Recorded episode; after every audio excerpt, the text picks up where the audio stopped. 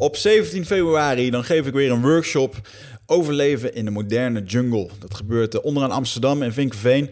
En uh, als jij het lastig vindt om bij je gevoel te komen, of uh, wellicht komen je doelstellingen maar niet van de grond, of je weet gewoon weg niet wat je wilt, dan zit er een grote kans dat je vastzit in bepaalde patronen.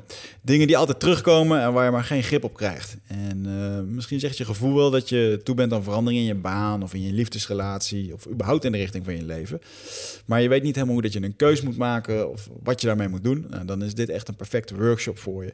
Uh, om daarbij te zijn. Als, als een van die punten die je net noemde, als die resoneren met je, dan is het geen toeval dat je dit hoort. Uh, dit zal een workshop zijn met persoonlijke groei, persoonlijk leiderschap, theorie, oefeningen, maar ook bioenergetics en dynamic meditations. En het idee is hier dat je uit je hoofd komt in je lichaam. Uh, want met je lichaam, dan kan je voelen en daarmee kan je in één keer op je intuïtie gaan sturen en op uh, luisteren naar je gevoel.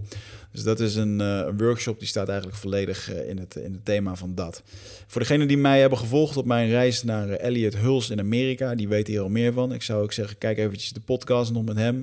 dan weet je een beetje wat, daar, wat ik daar heb gedaan. En um, nou, heb je hier interesse in, 17 februari, ga eventjes naar wichertmeerman.com. Rechtsbovenin kan je klikken op workshop en dan vind je daar het aanmeldformulier. Er is maar plek voor uh, een maximum van 15 tot 20 mensen. En uh, de plekken die vullen zich al langzaam op. Dus wees er snel bij. Op 20 februari dan zullen Michel en ik een nieuwe start geven aan een mastermind. Dat wil zeggen dat we met 10 ondernemers aan de slag gaan aan een nieuw jaarprogramma. En we gaan een jaar lang met die ondernemers bouwen aan jouw onderneming. Dat betekent dat je om de zoveel tijd bij elkaar komt. We hebben zogenaamde mastermind bijeenkomsten. En daar kan je jouw meest brandende ondernemersvragen uh, neerleggen. Die we vervolgens gaan behandelen. Waar we op gaan schieten en waar we je mee gaan helpen. Zodat je de weken daarop uh, houvast hebt met wat je ook alweer moest gaan doen. En daar gaan wij je bij helpen. We houden je er accountable bij. Dus het is absoluut geen vrijblijvend bijeenkomstje. We willen wel echt dat er gewerkt wordt en dat er vooruitgang geboekt wordt.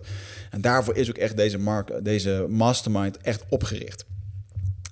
Er zijn landelijke bijeenkomsten, de zogenaamde 12 Waves bijeenkomsten. Dat zijn opleidingsdagen. Uh, zoveel keer per jaar komen we bij elkaar met alle masterminds. Dan krijg je waanzinnige kennissessies over marketing, sales, financiën. Alles wat te maken heeft met bedrijfsgroei. En daarnaast zijn er ook nog de zogenaamde hot seat bijeenkomsten, waarbij we bij ons op kantoor met die ondernemers gaan zitten. En dan mag iedereen daar zijn brandende ondernemersvraag neerleggen en dan gaan we je daar vervolgens bij helpen. Waanzinnig programma. Uh, de investering is 4200 euro en we hebben maar plek voor 10 uh, ondernemers. Uh, heb je interesse in? Ga dan eventjes naar eindbazen.nl slash mastermind Amsterdam dragons den. En daar kan je je aanmelden. Dan gaan we kijken of je erbij past. En hopelijk kun jij met ons gaan starten op 20 februari 2019. Eindbazen wordt gesponsord door Nutrofit. De webshop voor natuurlijke voedingssupplementen en trainingsmaterialen die je helpen bij het verkrijgen van Total Human Optimization. Nutrofit is hofleverancier van merken zoals Onnit, Natural Stacks en Bulletproof Coffee. Probeer onze producten zonder risico door onze money back guarantee. Bezoek ons op www.nutrofit.nl. Bestel je voor 9 uur s avonds, dan zorgen wij dat jouw bestelling de volgende dag geleverd wordt. We gaan het via een, een ander format doen vandaag. We gaan eventjes aankondigen wie we vandaag in de studio hebben. Cool. Dat is vandaag Lucas Ellerbroek. Hey, welkom Lucas. En uh, we hebben lang op jou zitten wachten, uh, jongen. de luisteraars weten waarom, want wij zijn, nou ja, laat ik het zo zeggen, Michel is Star Trek uh, fanaat. En de sterren, planeten en alles wat er omheen hangt, dat is, vinden wij waanzinnig. En onze luisteraars hebben ook aangegeven dat leuk te vinden. Dus je stond al langer op ons lijstje. Um, maar voordat we daar naartoe gaan, moeten we toch eventjes iets anders uh, bespreken. Mm. En dat is het volgende. Voor degenen die beeld hebben, kijk eventjes mee op YouTube.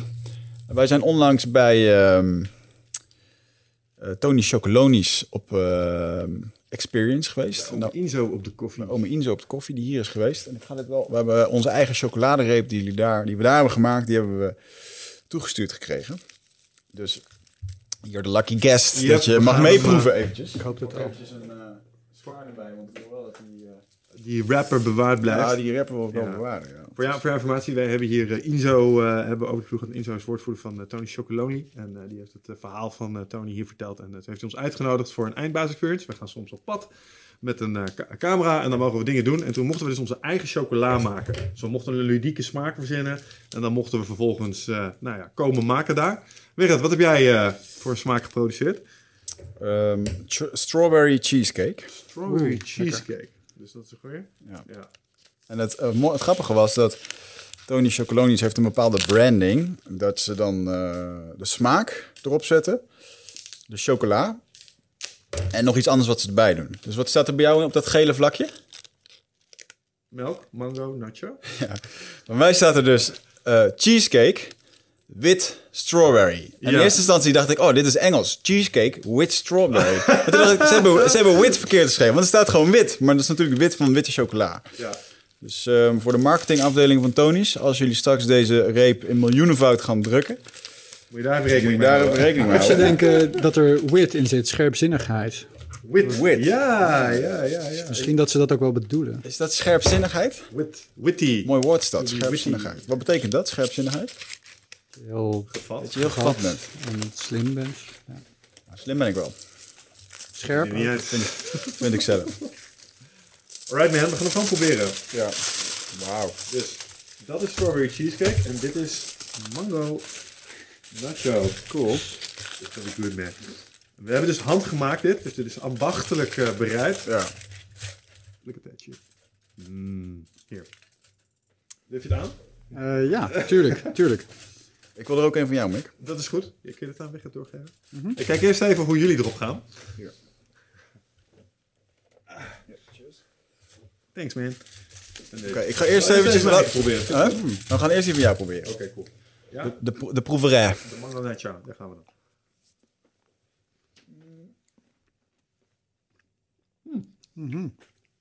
Dat had ik niet verwacht. Nee. Best wel goed. Wow.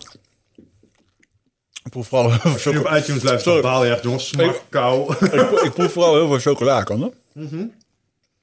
maar ook mango. En ook nacho. Oké. Mm. De meest gore aflevering ooit. Mango en nacho. Nachos van de chips. Gozer, was je aan het opletten toen we daar waren? Ik dacht dat je een of andere koek erin had gedaan. Nou, nou, ben ik alleen maar met mezelf bezig. Hè? Dat was jij. Oké, cool. Ik proef het. Ja. Goed gekeurd. Volgende. Die voor jou. Wat, hoe vond jij hem trouwens? Ik vond hem eh, goed. Ja, hè? ja. als we hem een cijfer moesten geven? Ja, acht. Ja, ja. Nee, die chocola sowieso. Ja. Zo, ja. Kan je. Ja, kan je. Ja, heel mooi, heel mooi. Oké jongens, strawberry cheesecake. Witte chocola.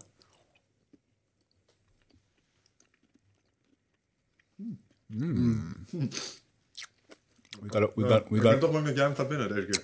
we got a winner over here. Ja, het is natuurlijk ook wel een beproefde combinatie. Ik bedoel, Ben Jerry's, die hebben die eh, smaak al lang eh, Nooit van gehoord. in een assortiment. Kan ik Zon- heeft alleen maar originele Nee. ideeën. ik denk dat, serieus dat, dat ik eerder wist dan Ben Jerry's. Dat, eh, Ah, zonder Ben? dan Nee? ook. Ik weet het. Ben Jerry's is mijn favorite en daar is die absoluut op gebaseerd. Ja. En ehm lijkt mij, ik, ik, oh, ik hoop dat het ooit nog een keer gebeurt. Ik zei het al ook tegen Inzo. Van, ehm, jullie moeten, eh, van die, als je van die cups van ijs hebt van Tony Chocolonies. Ja, dat zou eh, te gek zijn. Dan, ehm, maar goed, dat is iets voor de toekomst. Ja. Anyway, ik eh, ga hiervan genieten. Tony's, bedankt. Dus, uh, Ik zal even de verpakking laten zien, want de verpakking was ook wel heel cool. Hè? Ze Awesome. Ja. hebben echt eh, een eigen wikkel gemaakt. De eigen eh Wigert-wikkel. Bij mij staat er een klein Oh, grapje op. Ik zal hem niet ondersteboven houden. Die chocoladereep die zegt iets. Er staat, waar is de guacamole? Oh ja? Bij mij zegt hij zelf geplukt.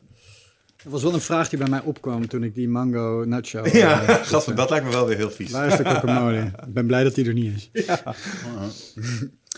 Alright, genoeg Oké. in eh, mensen hun oor gesmakt en gekoud. Sorry daarvoor, maar dit moest echt eventjes. Inzo bedankt in ieder geval.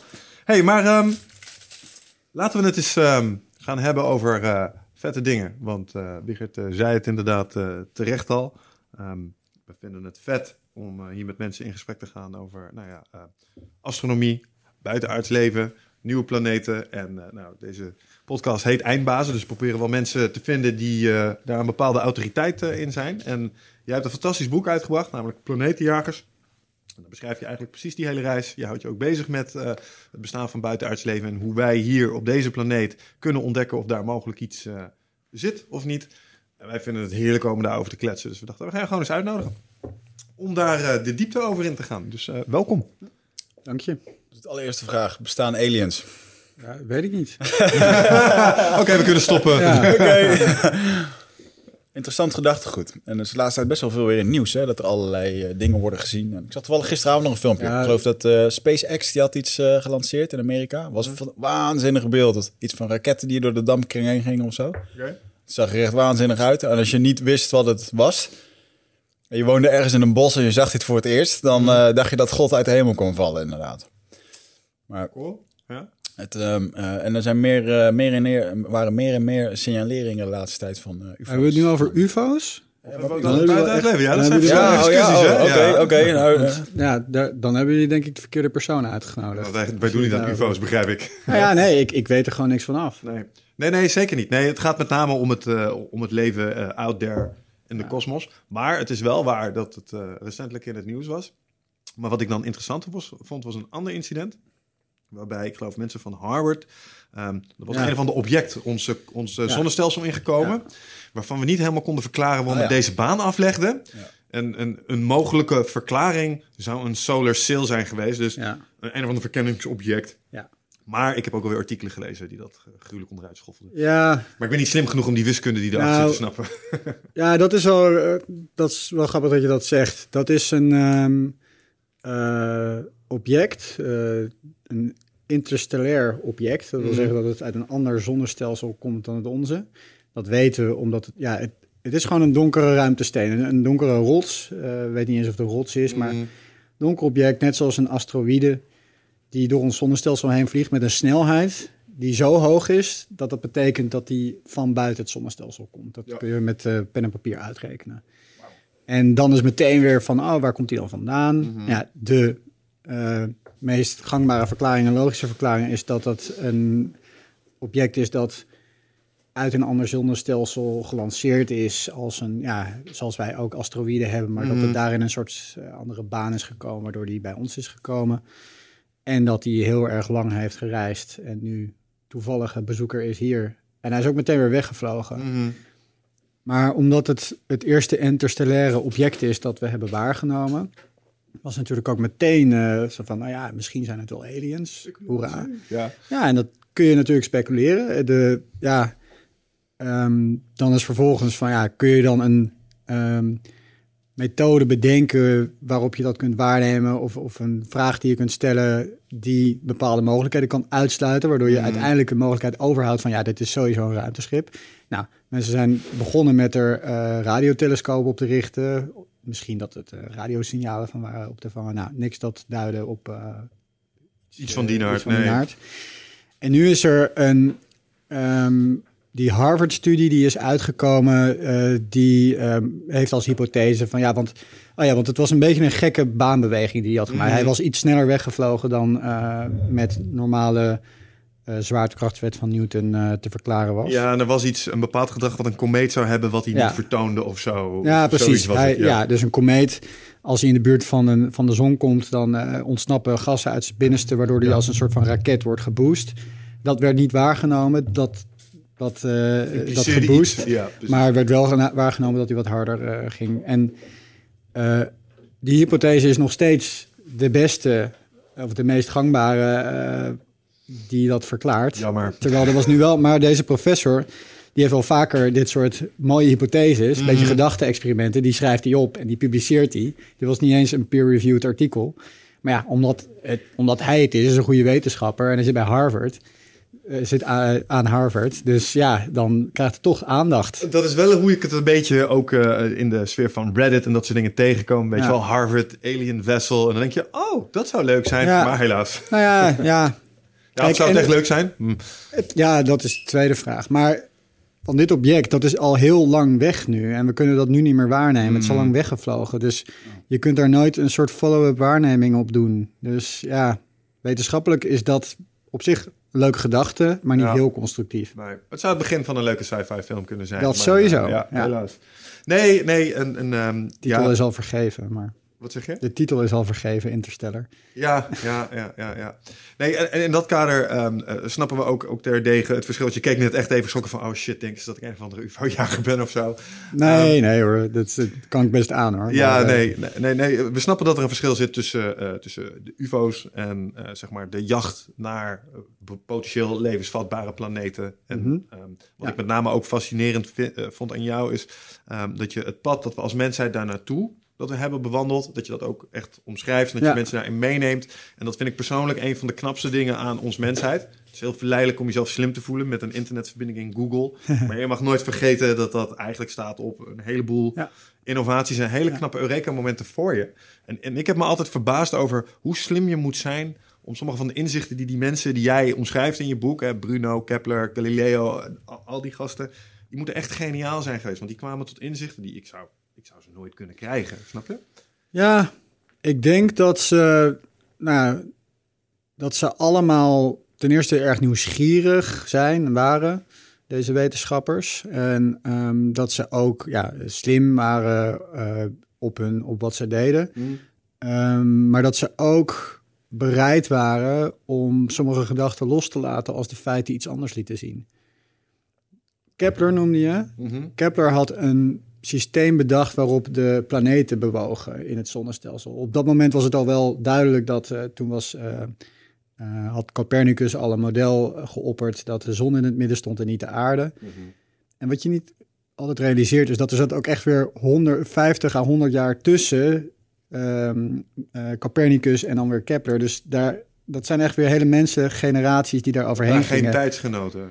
Nee, niet direct. Eh, niet direct allemaal. Dus, maar goed, Kepler die had zijn eigen idee van die planeten. Ja, die zullen wel voor- volgens een soort van harmonisch systeem eh, allemaal op, ge- op ehm, eh, mooie verhoudingen van elkaar staan. En een soort van muziek overeenkomsten hebben met de tonen van een piano. En dan had hij een heel mooi model. Toen ging hij het waarnemen. Of hij ging het naast waarnemingen leggen. En kwam hij tot de conclusie van... hey, dat mijn model klopt helemaal niet. Mhm. Mijn model is wel mooier. En ik had het wel leuk gevonden. Maar ja, ik moet concluderen dat, dit, eh, dat hier een andere wet achter zit. En dat Mhm. kennen we nog steeds als de wet van Kepler. Maar toen hij hem verzon, ja, was hij er misschien een beetje gemengd trots op. Dat hij dacht van ja, dit is, dit is de realiteit. Maar eh, eigenlijk had ik het leuker gevonden als mijn eh, harmonisch muziekmodel het was geweest. Ja. Dus, ze kon, dus wat je zegt is wat die mannen zo, eigenlijk zo snugger maakten... is dat ze durfden buiten de lijntjes te kleuren. Ja, en ze durfden ook hun ongelijk toe te geven. Ja. Niet allemaal, maar Ja. Een van de, van de moeilijkste dingen die, die, die ze daarbij hebben, en ik, heb, ik hoorde dat laatst nog een keer, er is een of ander, er is een credo en dat is het eh alle, allerbelangrijkste voor wetenschappers. Eh, volgens mij op niemand anders woord. Zeg maar met andere woorden, ik moet het, ik moet het zelf constateren. Dus het Ja. feit dat het nu voor waar wordt ge- neergezet, Ja. voor dit soort werkt, dat mag je pas aannemen als je het zelf gezien hebt. ja, dat is wel zo, maar dat kan niet altijd. Hmm. Ik bedoel, ehm, er is, ja, tegenwoordig kun je alle data goed opslaan. En dat werd door eh, al die eh, vorige generaties ook gedaan op, op eh, meer analoge manier. Maar ja, in de, in de praktijk moet je uiteindelijk, komt het ook wel een beetje aan op vertrouwen. Dat je denkt van, nou ja, goed, ik, ik vertrouw erop dat deze persoon ook echt dit heeft gezien zoals hij het nu opschrijft. En ik kan dat checken, niet door terug te gaan naar dat moment. Ik kan wel checken door... eh, nou, neem deze asteroïde van net. Die is voor nu altijd weg. Dus ik kan die niet meer met mijn eigen ogen een telescoop pakken en die asteroïde zien. Ik kan wel, misschien de volgende keer dat zo'n object voor, voorbij komt, hem wel waarnemen. Mhm. Dus het is een beetje, ja, je, je wilt het wel zo goed controleerbaar mogelijk maken, maar controle in de praktijk is niet altijd mogelijk. Ja, nee, dat kan, dat kan ik me voorstellen. Ehm, helder, maar, maar desondanks, ehm, als je kijkt naar sommige van de dingen die ze hebben gedaan, eh, bijvoorbeeld, ik, ik weet niet of ze, eh, of een van die mensen die, ehm, die we zojuist voorbij lieten komen, of die daar was, maar een voorbeeld waar ik altijd mijn hoofd heb gehoord, dat de mensen die in staat waren om de omtrek van de aarde te meten op basis van een aantal slimme metingen door naar de hemel te kijken, dan dacht ik, maar hoe dan? Ja, Weet je wel? Ja. Waar, waar zit je voor je kleine hut en denk je, ja, ja, dit zullen we dat gaan fixen. Daar moet je toch een bepaald soort genie voor zijn. ik. Ruimtelijk inzicht, ja. Nee, dat is wel... eh, Ja, dat gaat ook mijn verstand te boven. Wat, Oké. Hoe dat, eh, ja. Dat stelt me eh, deels gerust. Nee, ik, ik wil niet zeggen zelfs mijn verstand, nee. Maar ehm, nee, dat vind ik ook indrukwekkend. Hoe, met beperkte middelen en beperkte kennis Mhm. ook. Dat, eh, kijk, nu kan ik als ik een komeet zou zien, kan ik zeggen van, oh, dat is gewoon een steen die eh, in de buurt van de zon komt en daar verdampt wat gas en dan zien we nu eh, die stofstaart. Ja. Terwijl als wij in een rolbewonersgrot hadden gezeten en eh, hetzelfde ding hadden gezien, ja, wat kun je anders denken dan dat dat een goddelijke interventie is of een teken van onheil of ja. Ja. Ja. Dus ja, hoe je, hoe je met zo'n beperkte middelen toe kunt naar überhaupt te bedenken of de aarde rond is, dat is Mhm. wel heel erg eh, Ja. knap. Toch, toch heb je wel, zeg maar, dat, dat proces wat eigenlijk gewoon ook ja, met horten en stoten was, Ja, zeg maar. Heb, ja. je, heb je redelijk ehm, ehm, nou ja, in kaart gebracht ook in je boek. Wat zijn daar, eh, wat zijn daar echt mijlpalen in geweest? Waarbij het echt op een gegeven moment van... eh, want eh, je begint een beetje volgens mij waar, de, waar, waar we zeg maar in de middeleeuwen... Waar Ja. we met de kerk te maken hebben. Daarvoor, hoe zat het daarvoor eigenlijk? Voor, Ehm, voordat eh, het judeo-christelijke gedachtegoed overnam? Wat, wat, wat vonden we toen van sterren en planeten? Nou ja, het is, de sterren en planeten zijn altijd al oriëntatiepunten geweest. Dus waar men eigenlijk de eerste periode, het was ook al in de oudheid en nog voor de klassieke oudheid zo. eh, het is, sterrenkunde is eigenlijk begonnen in de islamitische wereld. In de, eh, de, ja, dus nog voor, eh, voor Christus. Ook nog daarvoor trouwens, de Babyloniërs hadden ook al heel erg mooie beschrijving van hemellichamen. En dat is gewoon eigenlijk een soort cartografie van de hemel. Met sterrenbeelden, maar ook baanbewegingen van, ehm, eh, van eh, de zon, van de maan, van de planeten. Ehm, die werden heel nauwkeurig vastgelegd. En dat is eigenlijk doorgegaan, zelfs toen we al dat heliocentrische model hadden van de zon in het midden, van. Copernicus. Dat was in de wetenschappelijke revolutie, eh 16e, 17e eeuw. Ehm, zelfs nog daarna was sterrenkunde vooral een vak van posities van sterren bepalen en heel nauwkeurig hun banen beschrijven. Het duurde pas tot in de 19e eeuw, eind 19e eeuw, dat we sterren echt gingen zien als ja, gasbollen en eigenlijk de na- natuurkundige laboratoria waar allerlei gekke dingen gebeurden die we Mm. hier niet hebben. Dus ja, om echt de natuurkunde naar de hemel te brengen, dat is al een heel erg eh, grote stap geweest. Ja, dus wat je eigenlijk zegt, ook in, bij, bij oudere beschavingen. Ik heb wel eens van die, ehm, misschien zijn dat een beetje van die ancient astronaut fabels, maar dat er beschavingen waren die in staat waren om de afstand, ik geloof van Venus tot Mars of zo te breken. Want ze begrepen dat dat hemellichamen waren die ook om ons heen Ja, werkten, zeg maar. En, en dat ze daar wel wiskunde eh, omheen hadden, die wel Ja. dat ze iets snapten van hoe dat zat. Ja, ja ik, ik ben daar geen expert in. Eh, ik heb ook collega's die dat wel zijn, Mhm. maar eh, in die geschiedenis van de sterrenkunde. En dat is wel echt een heel fascinerend hoe inventieve methodes en, en patronen en geometrieën daar al uit zijn gekomen. Ik ben een keertje naar eh, Mexico afgereisd, naar Chichen Itza, die grote tempel. Ja. Ja. Dus bovenop die tempel, daar spannen ze allemaal lijntjes. Dat was een aantal vierkante meter, Ja. vierkant ding. En dan spannen ze touwtjes. En dan lagen mensen dan s'nachts onder om te kijken waar dat de sterren verplaatst waren ten opzichte van Ja. die touwtjes. En daarmee meten ze dan alles wat ze... Klopt, wat ja. werkt. Ja, ja de Maya's waren heel erg eh, knap erin. Ja, en je hebt nog Stonehenge ook, waar Ja. die stenen die allemaal een, ja, duidelijk te maken hebben met eh, eh, posities van sterren. Men was er al heel erg eh, kundig in om die dingen te Ja. beschrijven. Misschien niet allemaal te begrijpen, maar wel... eh, Wat, wat was het ook alweer? Stonehenge heeft op een gegeven moment, eh, op een bepaald moment komt de zon volgens mij ergens tussen twee van die pilaren op. En dat Ja. is eh, as- astronomisch volgens mij best wel knap als je dat wist uit te lijnen. Ja, ik geloof dat het dan op de, de langste of de, of de equinox of de kortste dag van het jaar. Maar goed, ik weet het niet. Uh-huh. Maar zoiets was het. Ja, ja, ja, ja, ja, Wel ja. bijzonder. Dat heeft de mensen wel bezig gehouden. Dat heeft de mensheid wel Ja. bezig gehouden. En in hoeverre denk jij nu nog dat, ehm, want toen had het een soort van ontastbare impact.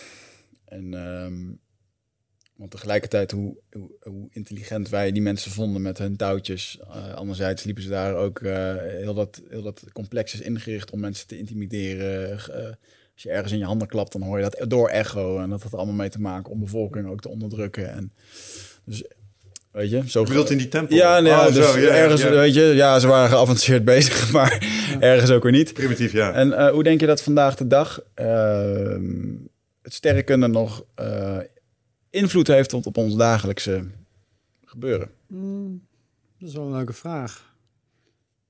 Ik denk dat het voor ehm, op veel niveaus invloed heeft. Omdat sterrenkunde, wat ik een heel erg eh, dagelijks leven iets vind, is dat iedereen ziet elke avond de sterrenhemel. Tenminste, als je een beetje op een plek bent eh, waar het zichtbaar is. is in Amsterdam niet overal waar. Nee, nee, in Amsterdam niet, maar in, ook in Nederland niet overal, maar wel op plekken waar het eh, minder omgevingsdicht is. En het is vrij urgent, vind ik. Je, je ziet gewoon altijd de sterrenhemel en ja, als je erboven kijkt, vraag je altijd af van, nou ja, eh, wat is daar? En ehm, het maakt nieuwsgierig. En voor het dagelijks leven is het zo dat ik zie dat voor eh, kinderen, jonge mensen, is sterrenkunde echt een soort toegangspoort tot de wetenschap. Ja. Dat maakt nieuwsgierig. Dat, ja, ik geef vaker lezingen op scholen en eh, sterrenwachten voor jonge mensen. En dan krijg ik altijd zo, zo'n ontzettend goed geïnformeerd eh, publiek te spreken. Ja. Denk ik van wauw, dit zijn mensen die echt... Ik merk hoe het ze grijpt. En niet iedereen hoeft van mij de wetenschap in te gaan. Maar Mhm. ik vind sterrenkunde een heel mooi eh, iets dat, ja, dat mensen eh, verenigt. En ook eh, kan inspireren om, nieuws, ja, tot nieuwsgierigheid. Waarom denk je dat het ze zo grijpt? Ja, het heeft toch iets magisch. Het heeft iets. Het heeft altijd iets overweldigends. En iets wat. Eh, wat de mens in perspectief stelt. Als je bedenkt. En, en heel veel mensen zeggen altijd: ik vind het eng. Of ik vind het overweldigend. Of ik vind het moeilijk. Maar ja, ik zeg altijd: het is, het, je kunt het moeilijk beschrijven of maken. Maar het is heel makkelijk om het leuk te vinden. Ja. Ik kan me nog een eh, moment herinneren op mijn eh, basisschool in de laatste groep, groep 8. En toen hadden we ook een boek over sterren. En daar stond in het midden stond een. eh, je had altijd van die themaboekjes, één over landbouw, Ja. ander over sterren. Zo'n witte kaft en zo'n mooie plaat. En daar stond in het midden stond een foto van een supernova. Ja. Weet ik nog van zoveel ongelooflijk van die vonken en sterren. En toen legde ze uit, oké, dit is dus het grote plaatje en dit is de, de max. Dus dit zijn allemaal melkwegstelsels en dat zijn zoveel Ja. van die sterren. En op al die sterren heb je planeten. Toen gebeurden twee dingen. Ten eerste van, holy shit, dat is groot en Jezus Christus, wat, wat maak je dat klein? En tegelijkertijd had ik iets van, wauw, wat zou daar allemaal Ja, verstopt kunnen liggen? ja, ja. En, en dan denk ik dat het een beetje lijkt op dat gevoel dat we hadden toen wisten dat er wel ergens een continent was. ja Maar het was nog niet in kaart gebracht. precies. Weet je dat gevoel Ja. dat je krijgt als je over oude Maya-tempels Ja. leert die nog onder de jungle liggen? Ja. Dat je denkt van, oeh, wat zou daar allemaal nog verstopt kunnen liggen? Ja, nee, dat is het ook. Het is, eh, we kennen tegen, we kennen nu de wereld eh, wel vrij goed. En Dat Ja. hebben we vrij goed in kaart gebracht allemaal en eh, vrij efficiënt allemaal. eh, als ik nu even wij gebruik als de westerse wereld allemaal onderworpen en Mhm. vervuild en een rotzooi van gemaakt een beetje. Dus nu is de volgende horizon die we kunnen bekijken en waar we nog niet van weten, is inderdaad de sterrenhemel. Ja. En de planeten die er allemaal zitten. En niet alleen de planeten, maar ook de melkwegstelsels, de zwarte gaten, de neutronensterren. De, ja, wat ik heel erg indruk, indrukwekkend vind, is om na te denken over de, eh, dat het heelal en de melkweg ook iets heel erg veranderlijk is.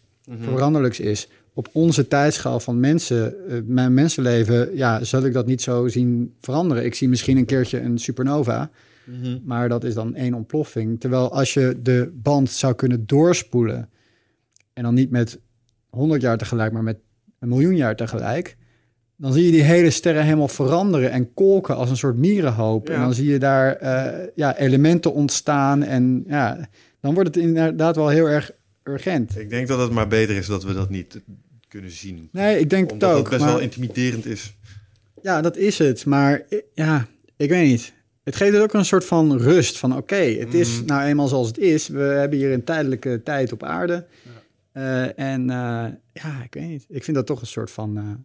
mij beangstigt het niet. Mij geeft het juist een beetje wat eh Nee, maar solide Die, die vraag wilde ik eigenlijk net stellen. Wat, wat beangstigt je nou het meeste wat je van al je kennis weet? Mij? Waar zou je nou bijvoorbeeld niet in geslurpt willen worden of zo? Mm, of, eh, nou, Oh, ja, oh. Ja, ga jij maar eerst. Wat beangstigt mij? Nou, wat mij beangstigt is eh, het tempo waarin eh, de, de mensheid invloed uit heeft geoefend op de aarde en op het klimaat en op eh, de leefomstandigheden. mm, En het tempo waarin de mensheid zich uitbreidt over de aarde. En de, een beetje het gebrek aan leiding om dat een beetje te beteugelen. ja. En we zijn in de afgelopen eeuwen hebben we heel erg, eh, ehm, ja, zijn we steeds geholpen omdat we steeds weer iets nieuws uitvonden dat het leven makkelijker maakte. Maar daardoor groeide de wereldbevolking wel steeds. Dus die De wetenschap... pest had een functie. Oké, dus zeg maar, dit komt van iemand die alles weet over gamma rays en zero space en misschien wel black holes. En die vindt Ja. nog steeds mensen het gevaarlijkste in het universum. Ja, maar die black holes en gamma rays zijn heel erg interessant, maar die zijn niet gevaarlijk Ja, voor precies.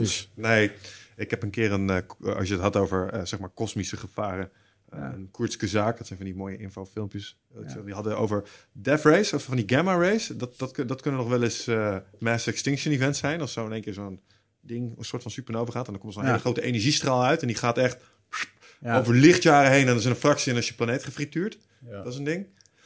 En ehm, ze hadden het over... Collision van planeten. ja, nee, dat is niet zo. Dat is, daar is het echt te groot voor allemaal. Nee, dat is wat er gebeurt als een soort van eh, zero space heet. Ik, ik denk het of chaos space. Dat, dat ontbindt de, de echte ruimte, zeg maar. Net zoals materie en antimaterie. Dat heft elkaar een soort van op. Dus als dat ooit ergens tot gang komt, dan spreidt zich dat uit als een olievlek en dan dat alles. Ja. Ik heb wel eens een theorie gehoord, die vond ik wel cre- creepy. Toen ging het over eh, asteroïden die met 900 km per uur, 45, 45 kilometer aan steen, wat gewoon ergens heen vliegt. Ehm, dat wij hebben een aarde die hangt ergens in onze atmosfeer. Dat er iets door die atmosfeer heen komt en zo'n harde beuk tegen onze aarde geeft dat onze aarde uit de atmosfeer wordt gegooid. Uit Dat atmosfeer. eruit geduwd zou worden. Je bedoelt uit zijn cirkel om de Uit zon. Ja, nou uit de, Uit zijn baan of uit- uit zijn eigen atmosfeer? uit, zijn- uit de atmosfeer. De atmosfeer zit aan de planeet vast. Ja, maar goed, misschien dat hij, als hij een grote eh jetser krijgt, dat Mhm. dan de atmosfeer een beetje ook... Exact, dus dat, Maar- dat de, ja, Ja, je begrijpt mijn punt. Dat de aarde dus met zo'n zwengel eruit zou gaan dat hij eruit ploept als het ware. En dat alle zuurstof zo Maar ik denk dat, ik, ik heb daar niet echt van gehoord van dat model, maar... ehm, dat was ik niet, ik volgens denk mij dat- is dit gewoon een suggestie hoor. Van een, eh, ik denk als dat gebeurt, en het zou kunnen gebeuren dat we, net zoals er een paar keer al is gebeurd, een grote asteroïde-inslag krijgen. Ja, dan eh, dat er dan een groot deel van eh, het Daar leven op aarde eh, weg. daar ging deze discussie ook over. Ja, En wat- dat is ook in het verleden gebeurd. En dat, dat gebeurt één keer in de aantal miljoenen jaren, eh, 100 miljoen jaar zeg maar. Ja. En de laatste keer was ongeveer 100 miljoen jaar, 65 miljoen jaar geleden. Dus, dus die, ja, maar weet je, dit zijn statistieken. en ja. morgen zal het niet gebeuren, of wel, ja. En als het gebeurt, dan kun je er weinig tegen doen. Ah, wat was dat laatst ook alweer dat eh, NASA aangaf dat er weer... Oh ja, de- er is er eentje tussen de, tussen de maan en de aarde doorgegaan. Ja, zo, Ja. zo op weerstand. We hadden hem niet aanzien komen. Nou, sorry. Ja, ik vind van dat soort dingen, ja, er wordt wel, ja, het is wel interessant, maar er zit ook een beetje een eh, soort, eh, ja, paniekzaaierij Tuurlijk, in. het is spectaculair, dus dat verkoopt goed. Maar goed, het zou kunnen zijn als we zeker weten dat we on collision course zitten met een asteroïde voor over 20 jaar. Mhm. Ja, ten eerste, dat is bijna nooit helemaal zeker. En ten tweede, ja, misschien is er dan nog tijd om die asteroïde een beetje in een andere baan te brengen, dat hij ons net mist of zo. Ja, Dus daar wordt wel over nagedacht, ja. ja, we hadden het net over, ehm, heel romantisch zeg maar. We hebben de hele aarde zeg maar in kaart gebracht en ook stiekem een beetje vervuild en verkloot. En ik eh, luisterde laatst naar een podcast met Neil deGrasse Tyson en die vertelde Ja. over wat wij nodig hebben is een Space Force voor twee dingen. Namelijk Ja. de eerste is de rommel opruimen die we bovenal hebben gemaakt, Ja. want het ligt echt aan- in de aard der mensen om waar we komen maken we troep. Ja. En de tweede is om zich inderdaad bezig te houden hiermee, asteroid impacts. Want als Ja. wij weten dat die er over tien jaar is, ze hebben nu allerlei werkende concepten Ja. waarmee ze dat best wel makkelijk kunnen afwenden. ja. En dan denk je Ja, dat natuurlijk direct aan explosies zo, maar dat scheen allemaal heel low-tech te kunnen. Kan al door er iets naast te hangen. Ja, je kunt het zelfs met eh CubeSats doen, eh, geloof ik. Ik had er op een conferentie een praatje over eh, gemist, dus daardoor niet gezien. Maar ik zag dat ze inderdaad met heel kleine satellietjes al veel aan ruimtepuin kunnen doen. Ja, Ja. De vraag is, wie neemt de verantwoordelijkheid daarvoor? Ze kunnen leuke concepten ontwikkelen, maar er is best wel veel puin. En niet alleen maar door Amerika veroorzaakt. Nee. En eh, ja, is er, het komt weer neer op, kunnen we onszelf goed genoeg organiseren om dat soort dingen aan te pakken? En het geeft me niet heel veel hoop dat we de plastic soep nog niet hebben aangepakt. de? De plastic soep. Eh, zijn we nu bezig op pad maken, toch? Ja, precies. Daar wordt wel iets aan gedaan. Eindelijk. Maar anyway, ik Space vind, Boyan moet nog opstaan. Ja, ja, ja. ja, ja.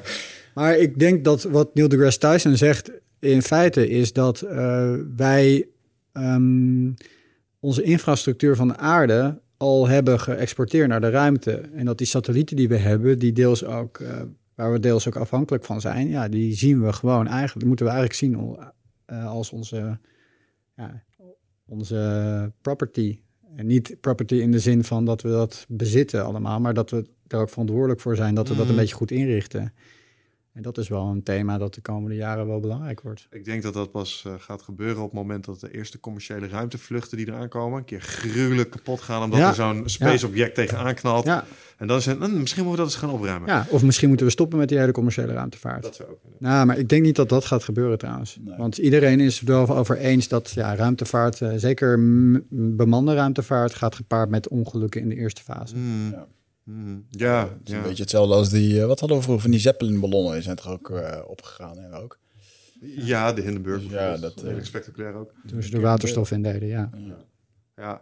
Nee, je hebt een website, daar kun je zien hoeveel eh ruimte rommel er in Ja. de lucht hangt. Dat wordt getracked. En want, want je denkt, oh ja, er zullen een paar satellietjes hangen of Nee, zo. nee. Maar het is echt ridiculous. Verschrikkelijk. En Ja. het gaat allemaal met heel, grote snel, heel hoge snelheid en ook ten opzichte van elkaar. Dus Mhm. een klein schrammetje in een, eh, in een satelliet kan al heel veel eh, ja, eh, defecten opleveren. Ja, om nog maar te zwijgen als je een astronaut bent die dan rondbungelt.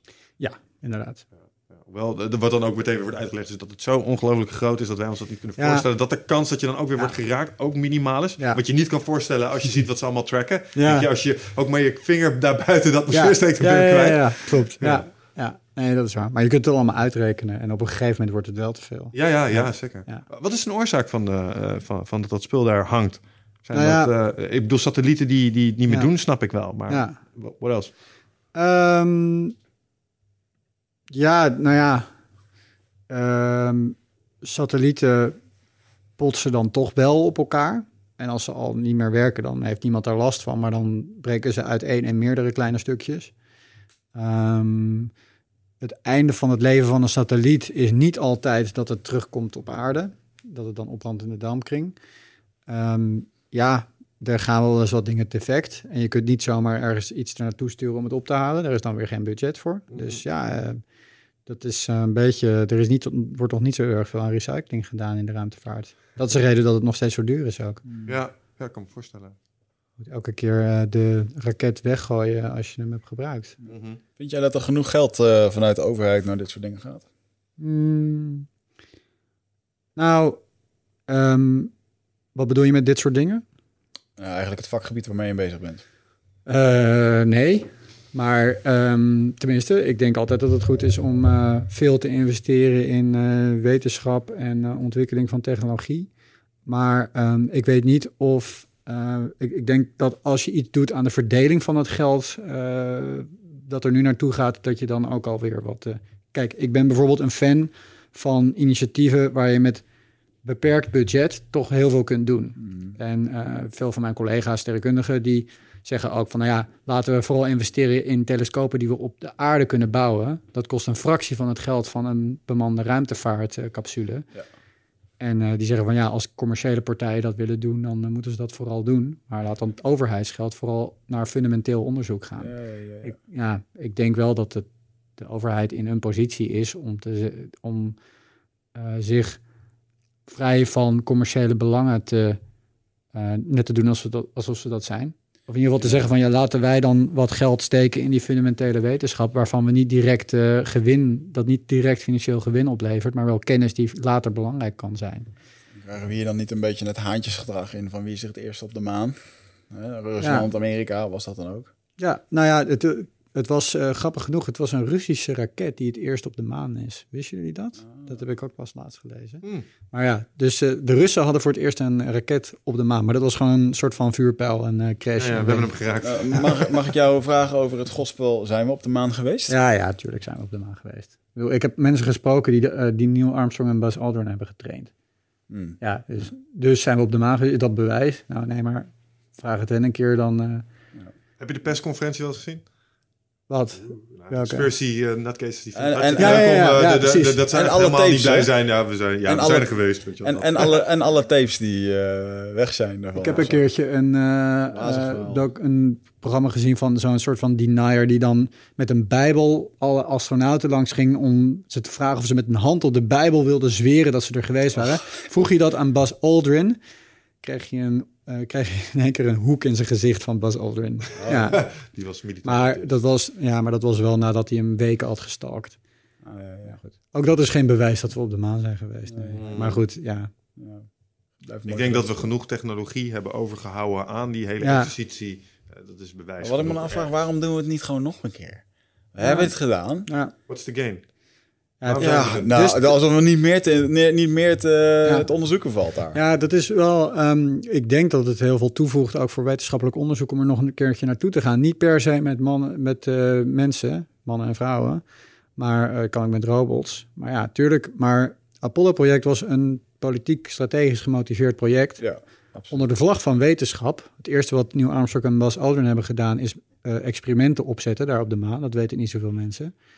Ehm, dus het ging allemaal onder de vlag van de wetenschap. En de wetenschap lifte mee op politiek initiatief. Maar ja, nu, eh, toen na die eh, laatste missie, eh, dat was de laatste missie, was de eerste missie waar ook een wetenschapper mee was. En toen hebben ze het hele project afgeblazen, omdat er niet, ja, het kost zoveel geld. En het doel was behaald, de vlag stond er. Dus we gaan ons nu richten op robots. Ja. En dat is denk ik ook wel verstandig, want mensen naar de ruimte sturen, dat kost heel veel extra geld Ja. en infrastructuur en er is risico. Dus ja, Ja. Als jij naar de maan zou kunnen, zou je dat dan doen? Nee, niet in eerste instantie.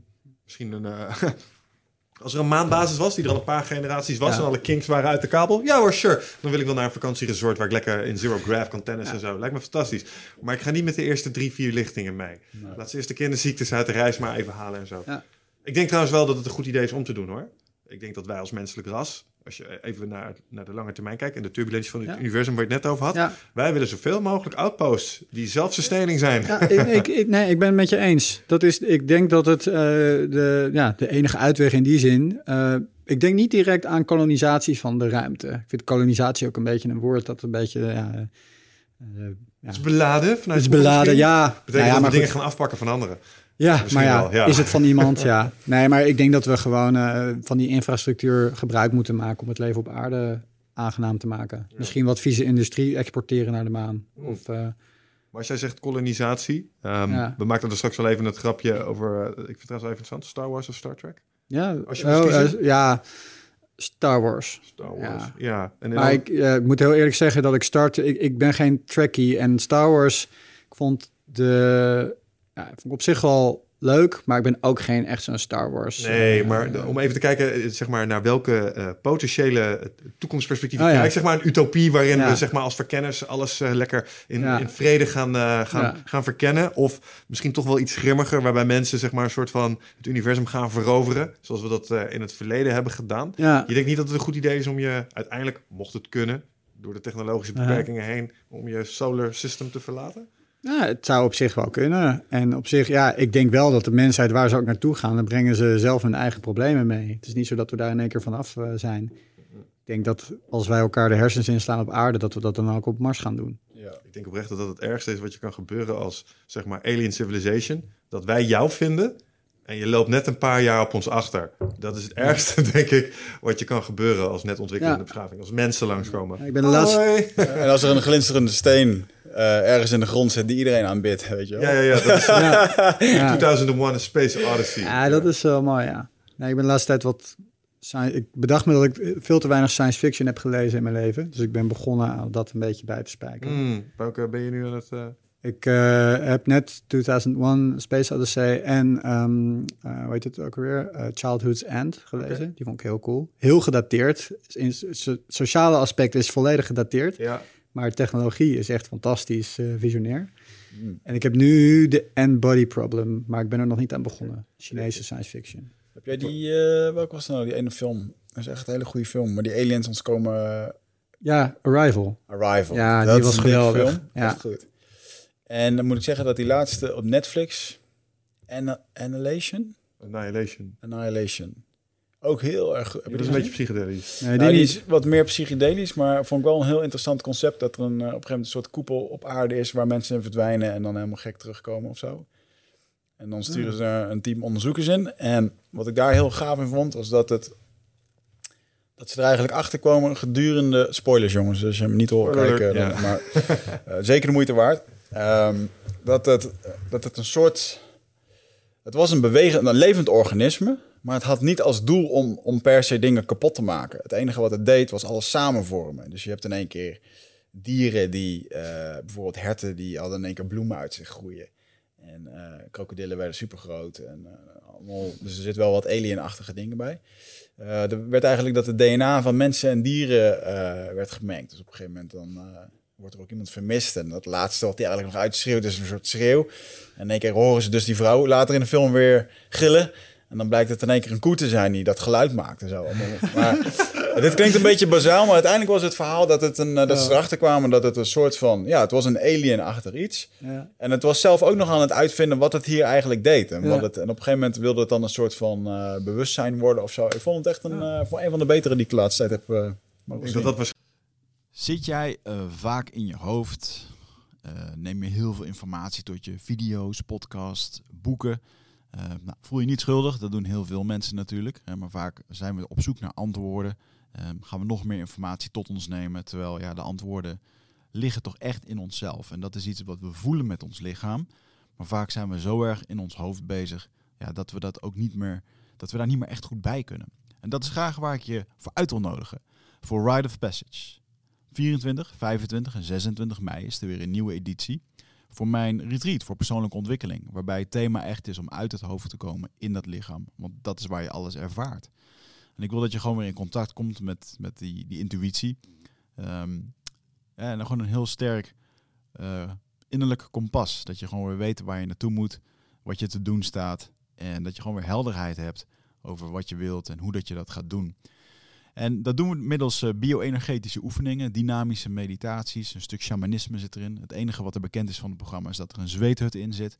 Eh, en natuurlijk gewoon hands-on persoonlijk leiderschap. Eh, dit retreat krijgt een 9,2 gemiddelde van meer dan 331 deelnemers. Daar ben ik ontzettend trots op. Sterker nog, er is ook een money back guarantee. Vind je niks na drie dagen, krijg je gewoon je geld terug. Dus het enige risico dat je loopt, is dat je gelukkiger wordt. Klinkt dit als iets voor jou en durf je het aan? Dan zie ik je op Ride of Passage. Ga naar wichertmeerman.nl en klik op Retreat. waarschijnlijk ook... We, we hebben zo'n eh, zo'n Hollywood-versie van het eerste contact met aliens. Ik denk dat het waarschijnlijk ook Ja. echt iets van die aard is. Waarschijnlijk een of ander... eh, Ja. misschien niet eens intelligent, maar dat iets gaat doen met biologie of zo. Of het is een ziekte of wat dan ook. En dat dat gewoon Ja. het eerste contact is. Ik, kreeg, ik had een documentaire gezien, dat heette The Visit, geloof ik. Deense documentaire. En dat ging over eh, wat als hier op het grasveld in één keer een vliegende schotel staat. Wat doen we dan? Wat En, was de eh, uitkomst daarvan? Nou ja, eh, blinde, pa- blinde paniek uiteindelijk. Omdat het, ja, er was nog helemaal geen deur open of wat dan ook. En het werd gewoon even, allemaal mensen werden geïnterviewd die daar ook over gaan, zeg maar. Of, ja, weet je, dus overheden, NASA en Ja, ja, ja. Verenigde Naties. Er zijn allemaal protocollen voor en zo. Maar eigenlijk komt het erop neer van dat er waarschijnlijk gewoon oneenigheid, eh, blinde paniek van wat doen we Chaos. hiermee, en chaos. Dus ja, dus eh, Je kent vast wel het verhaal over War of the Worlds. Toen Ja. in eerste instantie dat audio... ja, ja, ja, eh, ja, Dat heb je ja. vast ook wel eens gehoord, toch? Dat, ik eh, weet niet wanneer dat was, jaren 70, jaren 60 of Is zo. het een film met Tom Cruise? Ja, het is een Ja, film. een maar wat hoorspel. Ze, ja, wat ze hebben gedaan is, ze hebben daar een hoorspel van gemaakt. In Amerika, dat hebben ze uitgezonden op de radio, zonder te vertellen dat het een hoorspel was. Dus er zaten mensen, zetten de radio aan en die horen ineens een nieuwsreport dat net lijkt alsof, eh, zeg maar, grote tripods alles aan het kapot moeten zijn in is New York. Nee. De beurs is gecrashed die dag. Volgens mij hadden ze zelfs wel gezegd dat het een hoorspel was, maar was het Begin, zo... maar, je halverwege intunen, ja, dan... precies. ja. Uh, mensen helemaal in paniek. Oh, Ja. Dat is inderdaad niet heel erg handig. Het is een beetje hetzelfde verhaal dat wij op 1 april zeiden dat we gingen stoppen met de podcast. En dat we in één keer honderden eh, eh, unlikes kregen op social media. Ja. Kut. dat was niet handig. Ja, maar de- dus eh, feitelijk, eh, dus in dat experiment werd aangetoond dat op het moment dat we echt contact zouden maken op die manier, dat wij daar niet al te goed mee om zouden gaan. Nee, nee. Dat het, eh, ja. Ik vond het wel weer een mooie documentaire eigenlijk over de mensheid. Mm. Over, Ja, nee, dat snap ik, Hoe ja. gaan we om met crisis? Eh, Ja. Onverwachte. Maar het, het, het is natuurlijk wel, eh, is het voor jou ook de, de, de heilige graal van je werk? Ik bedoel, wat jullie natuurlijk proberen te doen nu is op hele moderne manieren te bepalen of er planeten om sterren Ja. heen hangen. Ja. En de hoop is dat we er daarin vinden die aan bepaalde eisen voldoet. Nou, kun je misschien iets over vertellen over hoe dat, Ja. eh, hoe dat tot stand komt? Nou ja, Maar het hoofddoel is volgens mij uiteindelijk om iets te vinden wat op aarde lijkt, toch? Ja, nou ja, klopt. Eh, ik vind daarin, ehm, er wordt, dat is inderdaad een soort van de heilige graal.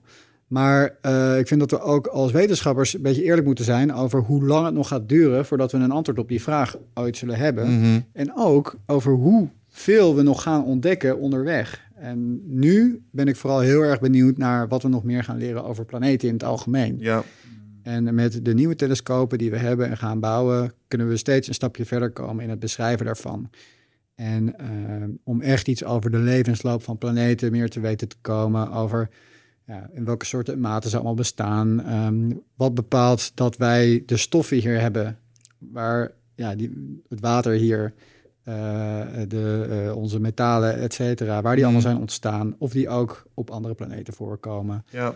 En hoe het werkt. Hoe werkt een planeet? En ik denk dat dat een vraag is die uiteindelijk inderdaad ga je dan toe naar van zijn wij uniek hier? Hoe is leven ontstaan? Wat voor soort levensvormen bestaan er? En ehm, dat is wel iets goeds om naartoe te werken. Mhm. En ook om het leven op aarde goed te bestuderen. Om te kijken wat, ja, wat voor soort biochemieën zou je kunnen, bedenken, kunnen bedenken die er kunnen zijn. Mhm. Ehm, eh, maar ik denk, ja, ik denk dat we onderweg nog heel veel verrassingen tegen zullen komen die ons op een ander spoor zullen zetten. Dus dat we niet per se alleen maar achter het water aan hoeven te hollen, maar dat je Ja. ook naar plekken kunt kijken die op het eerste gezicht heel koud lijken, maar die misschien nog een warmtebron onder het ijs hebben.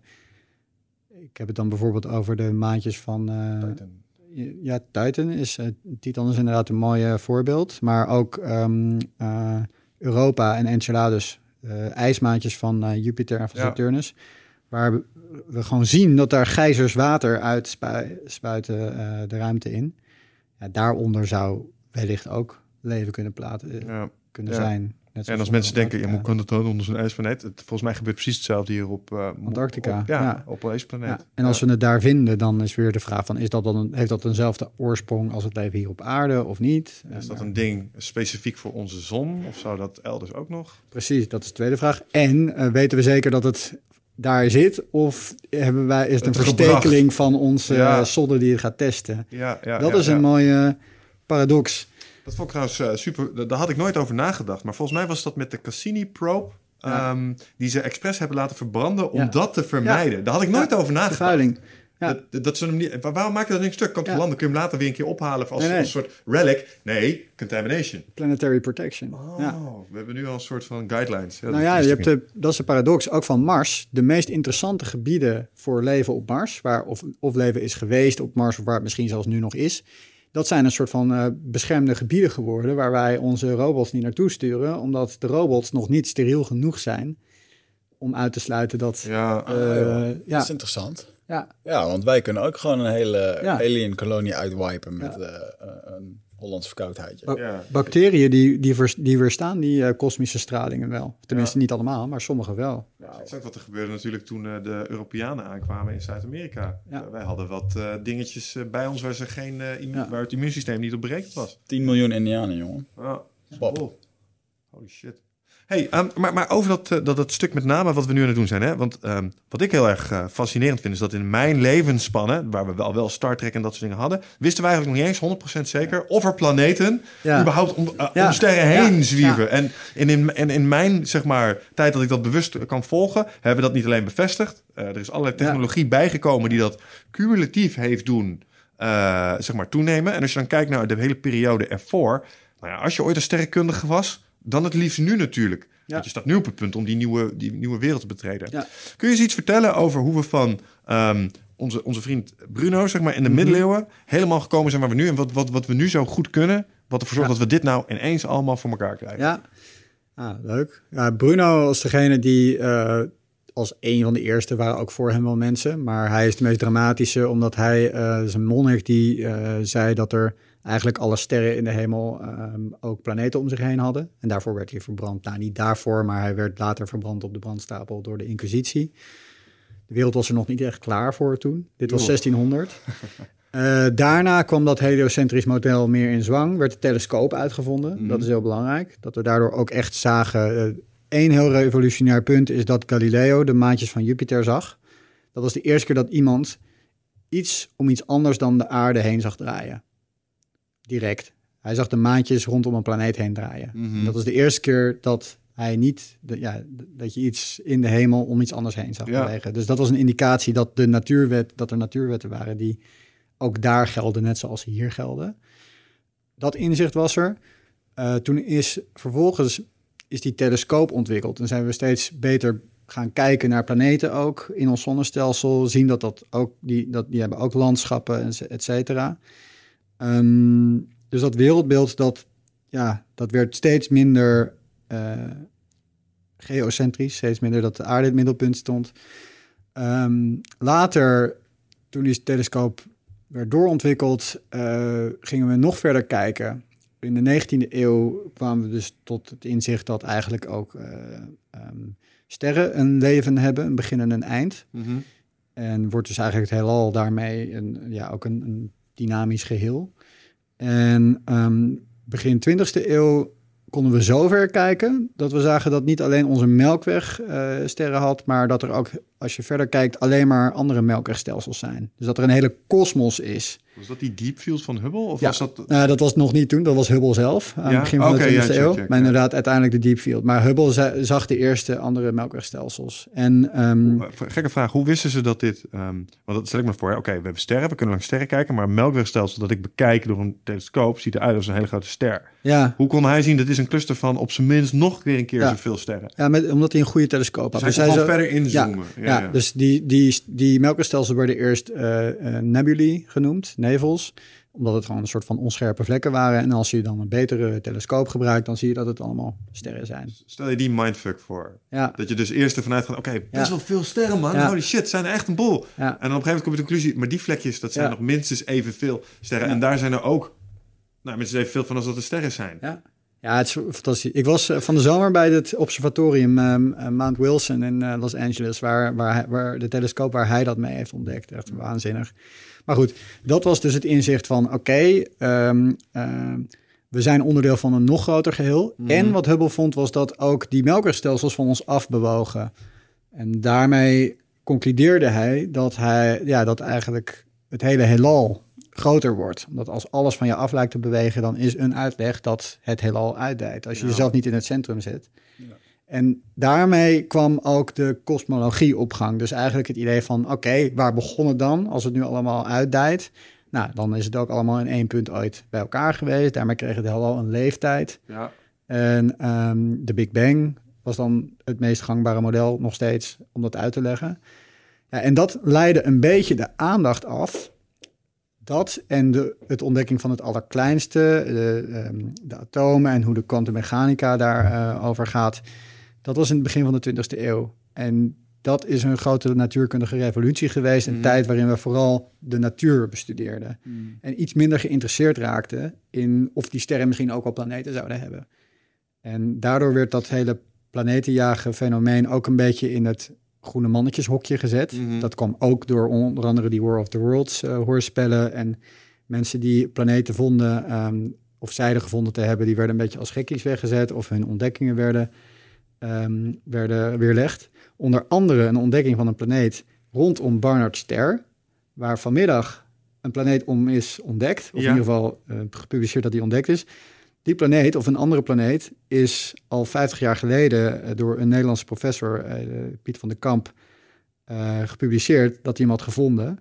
Maar dat bleek onwaar te zijn, terwijl de New York Times toen al had gezegd van hé, er zijn planeten. Dat was in de jaren 60. Hmm, En nu, vandaag, is die uiteindelijk gevonden. Maar hij is wel honderd keer zo klein dan hij dacht. Oké, maar hij- oh, mooi. Maar goed, dus dat was een beetje een on-impopulair straatje, Mhm. planeten eh, vinden. En daar kwam een beetje verandering in, ja, mede door die maanlandingen. In de jaren 60 kwam toch wel heel veel publieke interesse ook voor eh, de, de hemel en ook het buitenaardse. En eh, science fiction heeft daar ook heel erg Mhm. aan meegeholpen. En eh, iemand die daar heel veel invloed op heeft gehad is Carl Sagan. Is een Amerikaanse sterrenkundige die eh, ja, alle heel veel eh zonnestelselmissies heeft eh, eh, betrokken bij is geweest. Neil deGrasse Tyson is een beetje ook zijn soort van opvolger in, Ja, in het publieke bestel. En die heeft dat weer een beetje mede op de agenda teruggezet. Van zullen we niet eens kijken naar andere sterren en planeten? Want iedereen was het er wel over eens dat het heel logisch zou zijn als het er zou zijn.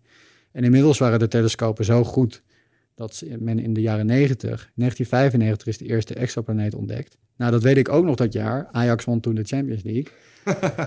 Dat, is, dat is nooit meer gebeurd, maar er zijn wel nog heel veel planeten gevonden daarna. Maar Dus, exoplaneet is waar wij mogelijk zouden kunnen wonen. eh, nee, een exoplaneet is een planeet rondom een andere ster dan de zon. Oké. Dus extra, extrasolar eh planet. Nog één keer. Een planeet? Een planeet rondom een andere ster dan de zon. De zon is een ster, wij zijn een planeet. Ah, Wij draaien om de zon heen. Dus Mars om een andere zon Ja. is Ja. een exoplaneet. Ja. Precies. En exoplaneten zijn eh, sindsdien, eh, eh, ja, we kennen er nu 3000, maar we hebben nog maar een heel klein stukje van de hemel bekeken. En aan de hand van wat we hebben gevonden, kunnen we uitrekenen dat eigenlijk bijna elke ster wel planeten om zich heen heeft. Dus dat er meer planeten dan sterren zijn. Dat is een mooie. Wauw. Ja. Mm. Kan, kan je nog eens een paar van dit soort mind-boggling facts? Nou, ik heb daar eh, wel een vraag over voordat we daar voorbij gaan. Want nu we de eerste data hebben, dus kunnen we de eerste variabelen van Drake ook Ja, gaan invullen. ja, ja. We weten nu, we hebben 500 sterren gemeten. Er zit ongeveer gemiddeld zoveel planeetjes om een ster. Ja, Eh, we're off by zoveel, of we zitten, we, overshot. Hoe, hoe komen we daar nu zo'n beetje uit? Zitten we daar in, in de ballpark? Of? Nou ja, je hebt dus de, de vergelijking van Drake. Is het eh, oorspronkelijk Mhm. geformuleerd het aantal buitenaardse beschavingen die met ons kunnen communiceren. Dat is een soort rekensom waarmee je dat kunt afschatten, dat aantal. En die rekensom die begint met het aantal sterren. En dan het aantal sterren per planeet. Inderdaad, die eerste paar dingen die je zegt, die zijn ingevuld. Waarmee je dus potentieel op heel veel planeten komt. En ook wel heel veel levensvatbare planeten, om het zo Mhm. maar te zeggen. Eh, de, de termen in die vergelijking of de, de eh, afschattingen in die rekensom, die nu belangrijk zijn om het aantal, nou, misschien niet intelligente beschavingen, maar überhaupt leven, eh, op leven te komen. Ja, dat, die zijn het meest onzeker. Mhm. Want dan wil je de kans hebben dat als er, ja, weet je, als we een planeet hebben waar het gunstige temperatuur is, waar een atmosfeer is en water, wat is dan de kans dat daar spontaan leven ontstaat binnen Mhm. een paar miljard jaar? Ja, die kans is natuurlijk erg lastig te berekenen, want we hebben maar één voorbeeld waar we het mee kunnen vergelijken. Dat zijn we zelf. En zelfs daarvan zijn we niet helemaal zeker hoe toevallig het was. Ja. En- Tenzij we het tegenkomen op, op bijvoorbeeld Titan of Europa, Ja. dan weet je Ja. dat de kans waarschijnlijk groter is Ja, dat precies. het zoiets, eh, Als je het tot kunt- komt. Ja. Ja. Het brengt, brengt me wel bij, bij een ander dingetje waar ik wel benieuwd ben over je take. Want eh, natuurlijk moeten we veel leren over de planeten, maar toch doen we het stiekem allemaal een beetje om onszelf ook daarbuiten te vinden. Of iets wat op ons lijkt, of intelligentie. Ehm, iets waar wat terugzwaait als we er naar zwaaien. Ehm, en dan kom je al, al snel op, maar, waar zijn ze dan? Want we hebben al wat onderzoek Ja. gedaan. Nou, Fermi-paradox, ben je vast mee bekend. ja, ja. Wat is je favoriete antwoord op... eh, Ik, op de Fermi-paradox? Ik denk dat de Fermi-paradox helemaal geen paradox is. Oké. Ik denk dat... ehm, Wat is het? Dus de Fermi-paradox zegt, where are, ja, where are they? Dat als het heelal zo groot is als het is... en we hebben zoveel tijd al gehad... en we weten inmiddels ook weer dat er heel veel planeten zijn... dan is eh kansberekeningsgezien het raar dat we nog niet bezocht zijn. Of dat Mhm. wij... Wij kunnen er misschien niet naartoe... maar dan zullen er wel beschavingen zijn die geavanceerd genoeg zullen zijn... om ons te bereiken, bereikt te hebben. Ja, en ja, dat ze we ze nog niet hebben gezien, betekent of dat we ze niet hebben opgemerkt of dat ze in ons niet geïnteresseerd zijn. Maar ik denk dat we echt onderschatten hoe groot het heelal is. Ja. En ook, het heelal is heel oud, maar zijn leeftijd is best wel eindig. Ik bedoel, het heelal is 14 miljard jaar oud. Onze aarde is 4 miljard jaar oud. Mhm. Dat is best wel een groot percentage van die leeftijd. En als je bedenkt hoe kort wij, de mensheid, nog maar op de aarde zijn, Mhm. dan realiseer je dat 4,5 miljard jaar lang bijna die aarde, ja, dat daar nog geen leven, of ja, wel leven op was, maar niet herkenbaar leven en zeker geen intelligent leven. Mhm. Dus dat is een factor die ook nog in die Drake equation zit. Dat denk ik, ja. En, en de kans dat, eh, dat zoiets, voor zolang als een beschaving bestaat, net genoeg eh, er is om Ja. naar buiten te kunnen kijken, terwijl dat ook om zich heen Ja. tegelijkertijd gebeurt, maakt Ja. de kans ook kleiner. Precies. Dat. En iets waar ik altijd over heb zitten nadenken is als je nu eh, naar onze, hebben we eerder ook eens over gehad over in de podcast, als je naar aarde zou kijken, afgelopen zeg maar 100 jaar, dan zie je, zie je helemaal niks. Ja. Dan zie je een heleboel radioactiviteit. En dat begint nu langzaam denk ik, weer af te bouwen. Ja, omdat we allemaal naar kabels Ja, en ja, weet je wel. Dus dus misschien is een beschaving ook maar heel even in dat opzicht, in die, in die fase van technologie, dat ze te zien zijn. Radioactief, om het zo maar te zeggen. Ja, en, en misschien, en je had het er straks al even over. In mijn meest donkere moment, dat denk ik ook wel, dat zoiets als een great filter gewoon echt wel een ding is. Ja, dat het heel moeilijk is om als planeet een be- beschaving een bepaald punt te bereiken, waarbij je genoeg technologie hebt om, om je problemen op te kunnen lossen. Of je haalt het net niet, zoals misschien ons nu voor de kiezer is. Ja. Als wij niks kunnen doen aan, aan climate change Mhm. met onze technologie, we're gonna die. Ja. En, en misschien is dat wel een lot wat een heleboel beschavingen beschoren is, omdat je niet anders kan als fossiele brandstof opmaken om een bepaalde Ja. innovatie aan te zetten. Maar, als het een wel- aanstaat, is het ook een soort doodsklok geworden. Het is toch heel erg natuurlijk ook dat iets opraakt. Ja, nee, want Sterren gaan ook uit. ja, ja, De zon gaat ook een keer op. ja, maar je kunt verhuizen van zon naar zon. En tot de hitte dood van het universum er is, kun je het nog wel even uitzingen. Ja, dat is inderdaad de hypothese van die Fermi-paradox. Van dat zou die beschaving dan wel kunnen hebben overwonnen. Ja. Maar ik ben met je eens dat het. ehm, nou, laat ik het omdraaien. Als, ze, als we ze wel vinden en ze blijken dat overwonnen te hebben, dan eh, kunnen we veel van ze leren, zeg maar. Ja, ja. Jij Ja. zit daar niet in de hoek. eh ehm ehm, wacht, weet je nou, Hawkins? Hawking. Die zei: Kunnen we alsjeblieft ophouden met zoeken en vooral Ja. niet onze hand opsteken in de buurt, weet je wel? Zo van, Ja. dat is een dom idee. Nou, hij was, nou, voor mij was hij ja, inderdaad vooral tegen het, eh, de boodschappen, de, de, Ja. de sterren helemaal insterren. Ja, nee, we weten inderdaad niet waar we aan beginnen. Ik denk van ja, ehm, als aliens ons zouden willen vinden, dan zouden ze ons best wel kunnen vinden. Als, als buitenaardse beschavingen ons zouden bekijken, dan Mhm. zouden ze ons ook best wel opmerken. Dus ik denk niet dat per se het niet sturen van boodschappen garantie is dat ze ons niet vinden. Nee, nee, nee. Het Als- feit dat je, als dat ze je vinger genoeg steeds, zijn- ze kunnen je nog steeds aanwijzen. Ja, precies. Ja. Ben jij als wetenschapper ook eh atheïst? Of ben je gelovig? Ik ben niet gelovig, nee. Maar eh, ja.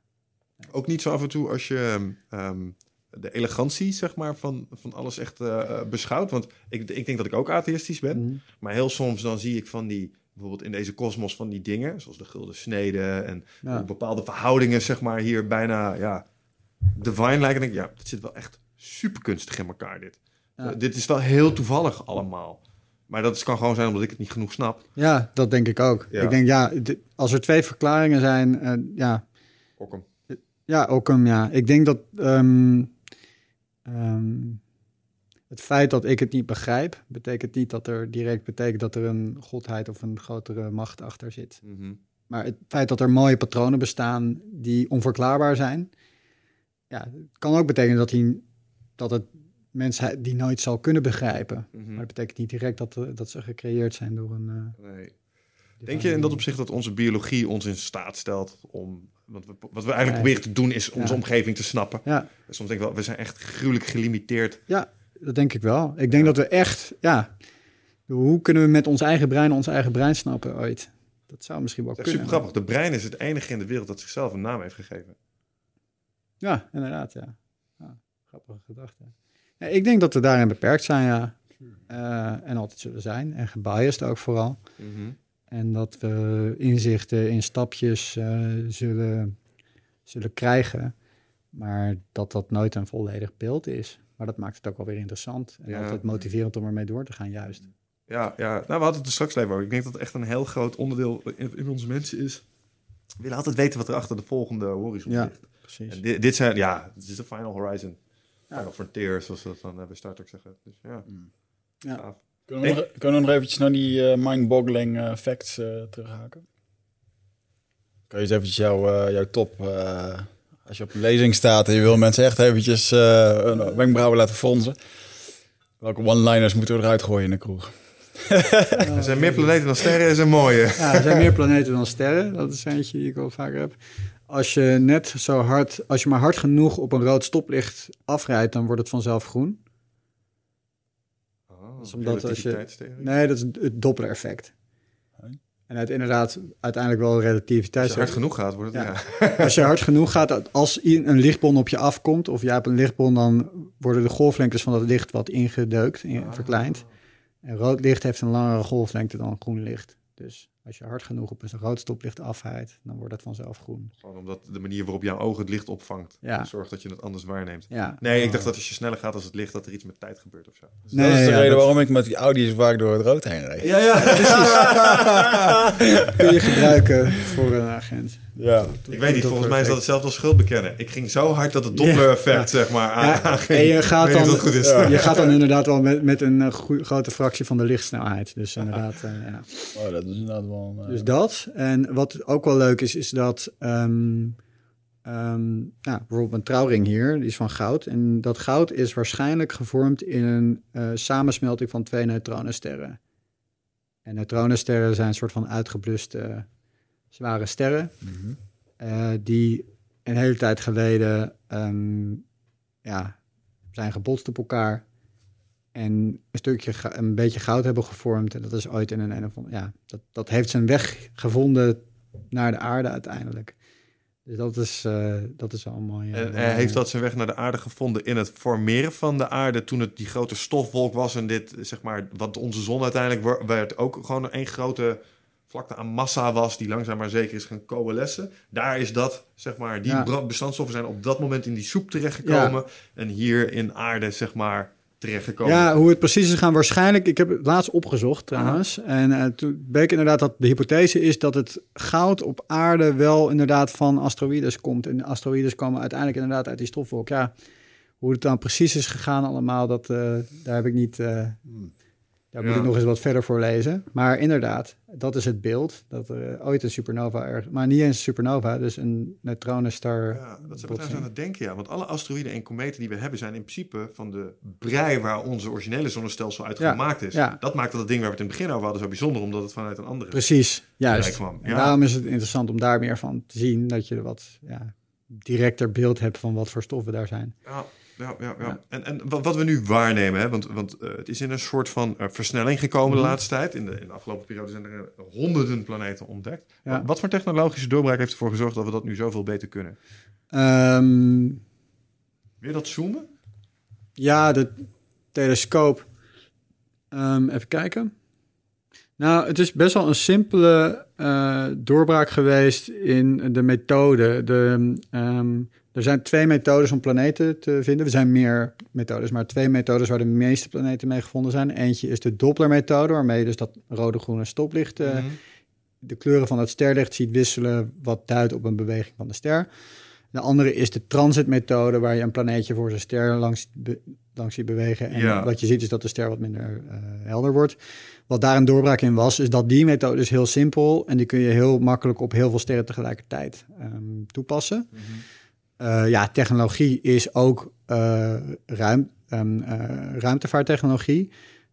We kunnen op aarde, onze atmosfeer haalt heel veel straling tegen, gelukkig. Dus om sommige straling te waar te nemen en goed waar te nemen, kun je het beste naar de ruimte gaan. Mhm. En die telescoop die het meeste planeten heeft gevonden, Kepler-telescoop, is een paar weken geleden met pensioen gegaan. Mhm. Die is nu ruimtepuin. Ja. Ehm, die, eh, dat is een ruimtetelescoop. Dus zonder die technologie waren er niet zoveel planeten in één keer gevonden. Moet ik me nou voorstellen dat... ehm, want hoe bepalen we als een... ehm, die, die transit-methode, dat Ja. is de methode waar ik, het, waar ik het meest over heb gehoord. En, en dat is waar, waar Kepler met name goed in was. Ja, En, en omdat hij in de ruimte hing, kon hij beter kijken naar de planeetjes die er voorlangs gingen, als het ware. nou, jij kon de planeetjes zelf niet zien, maar eh, Kepler, dat is maar een heel kleine lichtverandering. Dus je moet een heel gevoelig telescoop hebben. Als je vanaf de grond naar een ster kijkt, met je blote oog, dan zie je die ster een beetje flikkeren. Dat komt doordat we eigenlijk door een hele grote kolom lucht kijken, Ja. die een deel van die straling tegenhoudt, die zelf een beetje turbulent is, waardoor die het licht een beetje verstoort. In de ruimte heb je gewoon echt een heel erg, ja, daar zie je de sterren echt als puntjes.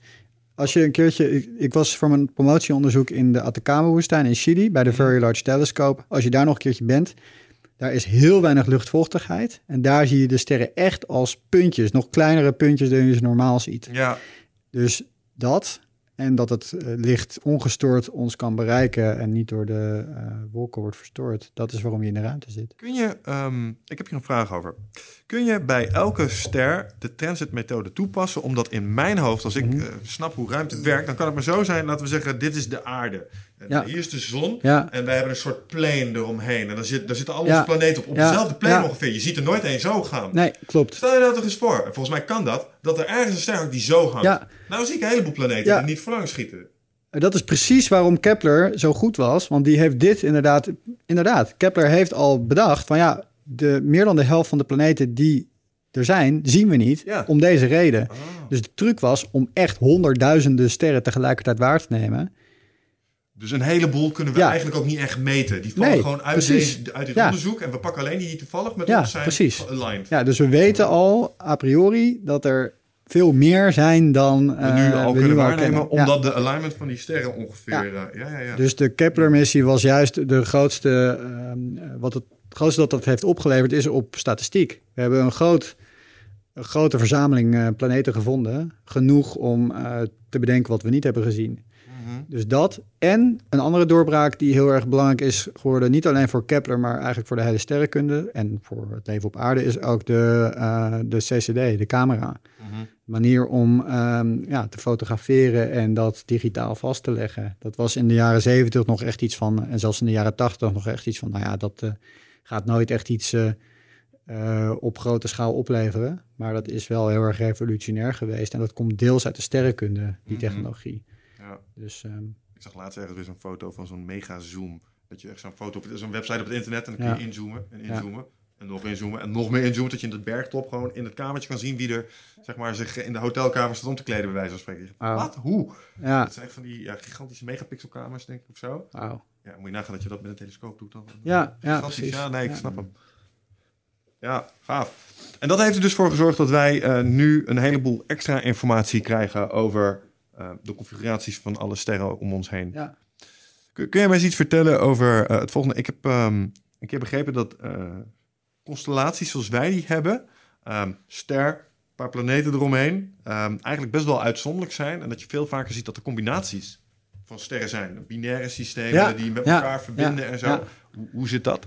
Ehm, inderdaad, heel veel sterren. Eigenlijk de meeste sterren in de Melkweg zijn dubbelsterren. Die zijn onderdeel van een, ehm, ja, vaak een koppel sterren. Het zijn soms ook wel meer sterren, maar die, dat kan alleen maar bestaan als ze, ehm, als ze elkaar niet zo verstoren dat ze, ja, drie dingen die om elkaar heen draaien, dat, dat is van nature chaotisch. Dus dat, Puinhoop, ja. ja, het gaat met twee soms wel lastig. Maar ehm, eh, ja, dus heel veel sterren zijn dubbelsterren. En ook rondom die dubbelsterren zijn wel planeten gevonden. Ja. Maar ehm, de, meest, de meeste planetenstelsels die we kennen met een dubbelster... dat is dat die sterren heel erg dicht rondom elkaar heen draaien... en dat daar omheen een ster draait. En dat Mhm. systeem is wel chaotisch...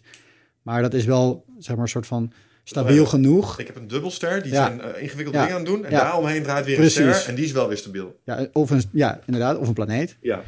En dat, zo'n systeem dat kan heel erg lang bestaan als die twee sterren heel erg zwaar zijn ten opzichte van dat kleintje dat eromheen draait. Ja, ja, ja. ja. En ehm, ja, die twee sterren op kosmische tijdschaal, op lange tijdschaal, eh, kunnen die ook eh, ja, samengaan of, of weer botsen met andere dingen. Dus die zijn Mhm. wel voor die evolutie van sterren heel erg belangrijk.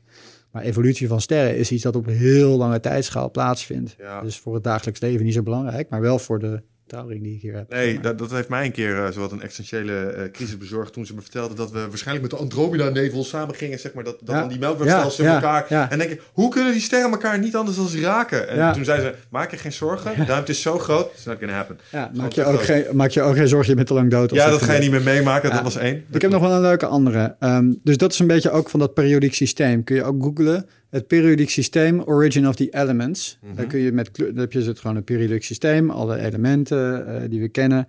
En dan is met kleurtjes aangegeven waar is dit waarschijnlijk geproduceerd. Oh. Dan heb je alleen maar waterstof en helium is eh, vanaf het begin van het heelal er al.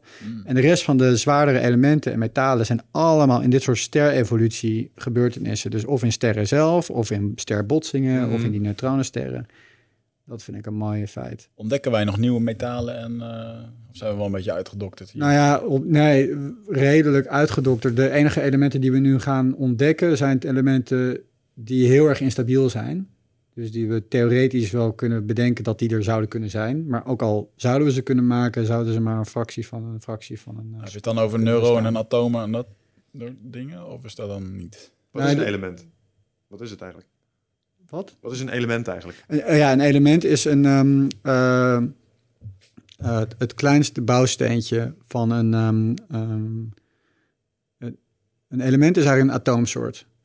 Dus een atoom is een verzameling kerndeeltjes, protonen en neutronen. En daar in het klassieke model, dat het niet klopt, draaien daar elektronen omheen. We weten nu dat dat een soort van elektronenwolk is. In ieder geval, dat is het kleinste bouwsteentje dat je hebt in de natuurkunde, eh, waar een deeltje uit bestaat. En dan zijn het ook nog, een atoom zelf bestaat ook nog uit kleinere deeltjes, eh, quarks, gluonen. En dat, ehm, ja, dat zijn nog kleinere deeltjes, maar die, ehm, die komen niet natuurlijk voor in de materiaal, de materie die we hier op aarde het meest voorkomen. Ja. Dus elementen zijn ja, atoomsoorten die met elkaar, ehm, als ze samengaan, moleculen kunnen vormen. En, hoe weten wij dat onze periodieke tafel helemaal compleet is? Want in alle science Ja. fiction is het altijd... Hmm, het materiaal is gemaakt met een element dat we niet kennen. Daarom Ja. kunnen ze dit maken. Ja, nou ja, op de manier waarop we het hebben geordend, dit, is de, dit zijn de stabiele configuraties waarin atomen kunnen bestaan. Dat heeft Mhm. ook weer te maken met de kwantummechanica, die zegt dat er eigenlijk alleen maar op bepaalde energieniveaus elektronen rondom een kern kunnen draaien. Ja, het klinkt een beetje abstract allemaal, Ja, dat nee, is maar wel. Maar ja. Ehm, eh, en de periodieke tafel die laat zien dat je eigenlijk, ja, in theorie, eh, er zijn er nu 120 elementen of zo. Je kunt gewoon door, doortellen tot 1000, maar dan worden die kernen zo groot dat ze van nature instabiel zijn. Oké, ja. Dus dat de onderste helft van die periodic table, die bestaat maar, die, die vervalt eigenlijk direct als je het gevormd hebt. Eigenlijk begrensd door de natuurwetten. Ja, ijzer is het meest stabiele atoom. Mhm. Dus alles dat lichter is dan ijzer, eh, dat bij een bepaalde temperatuur dat fuseert. Dus waterstof fuseert tot helium als je het heet genoeg maakt. Alles dat zwaarder is dan ijzer, dan ijzer dat splijt. Dus uranium dat splijt. Kan spontaan splijten of het kan splijten als er een eh, kern op wordt afgevuurd. Mhm. Dan valt het uiteen en dan, ja, dan gaat het steeds weer, ehm, valt het uiteen in kleinere elementen totdat het ijzer bereikt. IJzer zit ergens op het, in, in het midden, zeg maar 50 van de hoorn, 100 of 56. Dus eh, alles wat lichter is dan ijzer is minder stabiel en alles dat zwaarder is ook. Kun, jij mij helpen met iets, een, een, een eh, feitelijkheidje vinden als het gaat om helium? Ik heb dit ooit ergens eens een keer eh, gehoord. Eh, het had te maken met de manier waarop helium naar iets converteert. En als dat ook maar, dat was dat op 0,03 of zo, en als dat ook maar 0,04 was, dan zou dit allemaal niet eens kunnen bestaan, want dan zou er iets niet samenkleven of zo, of was ja. zuurstof niet te vorm. Ik, kon, ik kan het niet meer terugvinden, maar ik weet dat dat super cruciaal was. Was het, ja, het zou kunnen zijn dat het, het iets te maken had met de ontbrandingstemperatuur van helium. Of in ieder geval de, de een aantal graden misschien. Ja. Oh, wacht even, het smeltpunt van helium. Of Dat het, zou eh, goed het- kunnen. het- ja, dus, Ja, en, en het hele idee was is dat eh, als je het hebt over de Big Bang, ja, het is, ja, eh, dat er vaker zeg maar universen zijn geweest en dat die configuraties waarbij bijvoorbeeld helium smelt per keer verschilt en dat je dus soms ook hele inerte zeg maar universen hebben gehad die vervolgens weer zijn samengekomen en toen weer een, nou ja dat. ja, ja. Nee, dat, dat, eh, ik denk inderdaad dat het, dat is het, dat het 0,04 Kelvin is. Ja. eh, graden. Eh, ja, de temperatuur waarop helium gas wordt vanuit vloeibaar. Ja, en het, en En het is dus zo dat als dat anders is dan toen het heelal heel erg dicht op elkaar gepakt zat en op het moment dat die elementen ontstonden, ontstonden ze eigenlijk als ja, condens, als het ware. Het, man- het moment waarop dat gebeurd is, hangt inderdaad af van het smeltpunt van helium. En als Maar- dat een, ja, als het een heel klein beetje anders is geweest, dan zou de evolutie van het heelal heel anders zijn. De context waarin het werd gepresenteerd was omdat iemand zeg maar dat feitelijkheid aanhaalde van zie je nou wel dat het universum is te toevallig om zomaar te bestaan. En Ja. toen zei iemand van ja maar dit kun je niet aanvoeren als intelligent te zijn, want wat er waarschijnlijk is gebeurd is dat wij in iteratie 2, eh 2 biljoen 949 zitten. Ja. Hiervoor zijn er een miljard geweest waarbij er niks gebeurde, omdat de parameters net even anders Ja. stonden. Nou, dat zou, ja. Ja, nou dat vind ik echt mindfucks. Ik denk, oh, dus dit is al gewoon zo vaak hiervoor ook. Ja, Maar Ja. dat wat jij vertelt van die... oh, sorry dat je trouwens vertel even je ding, want je was... nee, dat was het wel zo ongeveer. Want wat jij net vertelt van die condens die daar hangt, dat komt door sterren die op een gegeven moment eh, uitgebrand zijn, onstabiel raken en imploderen. En daardoor exploderen. Dat Ja. heb ik wel eens een keertje vernomen, dat het dan plop en dan poef, Ja. de ruimte ingeschoten. En dat eh, zorgt dat al die gassen en dingen, condensdingen bij elkaar komen. En dat vormt dan, Ja, je hebt waar we het over hebben, elementen.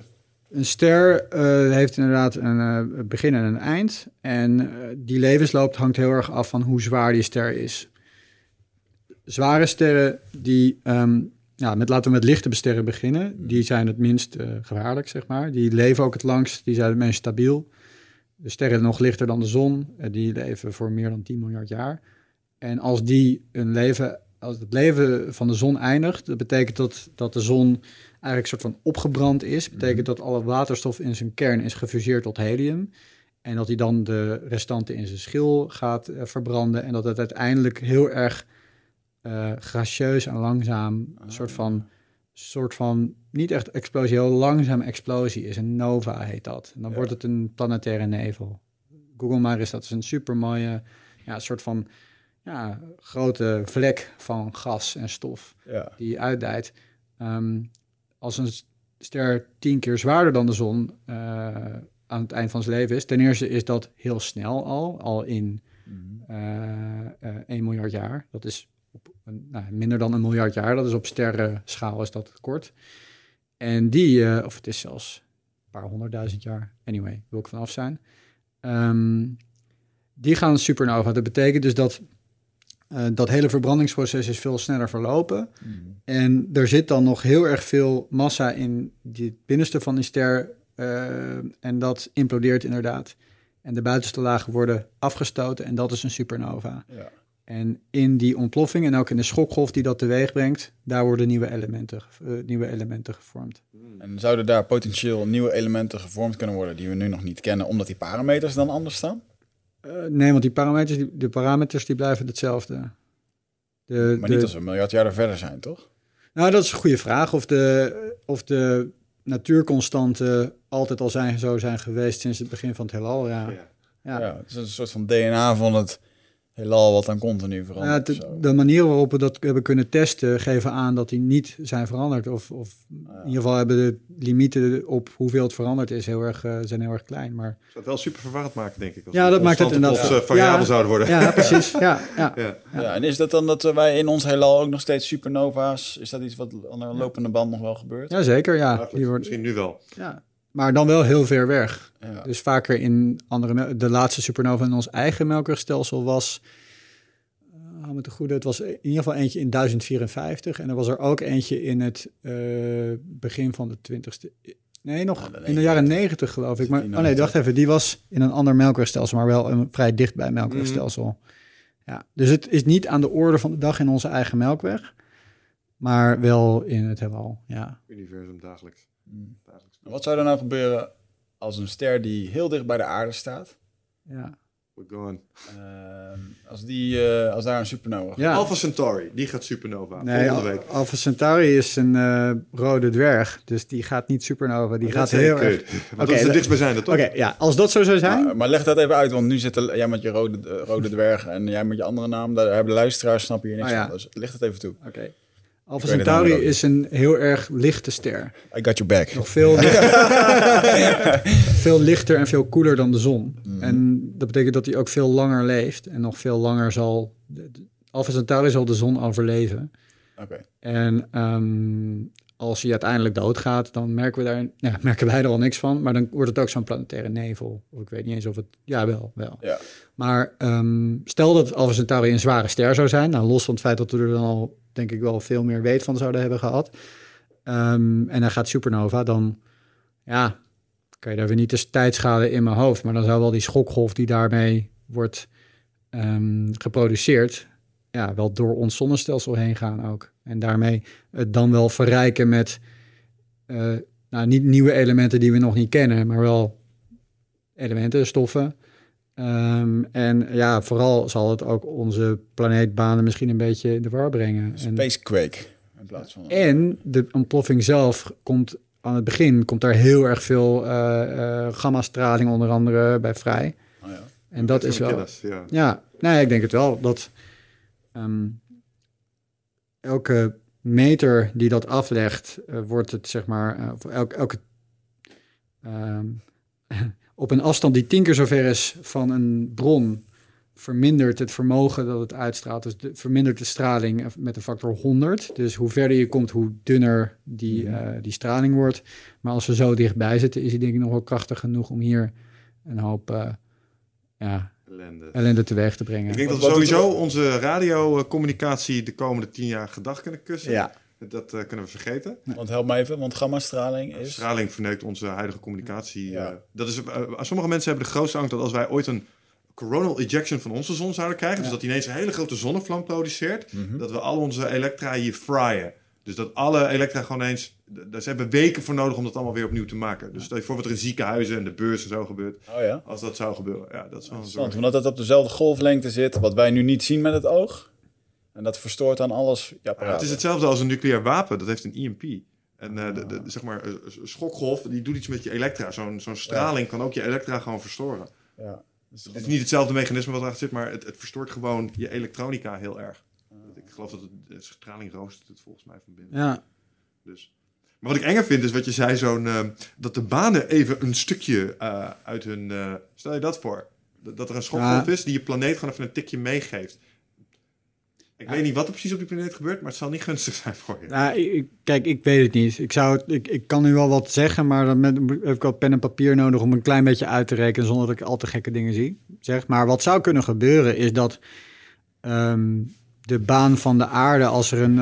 Als er een eh, als, als, er- als de aarde een enorme zet krijgt, dan zal hij niet meteen uit zijn baan met het zonnestelsel worden ge, ge- ge- ge- gelanceerd.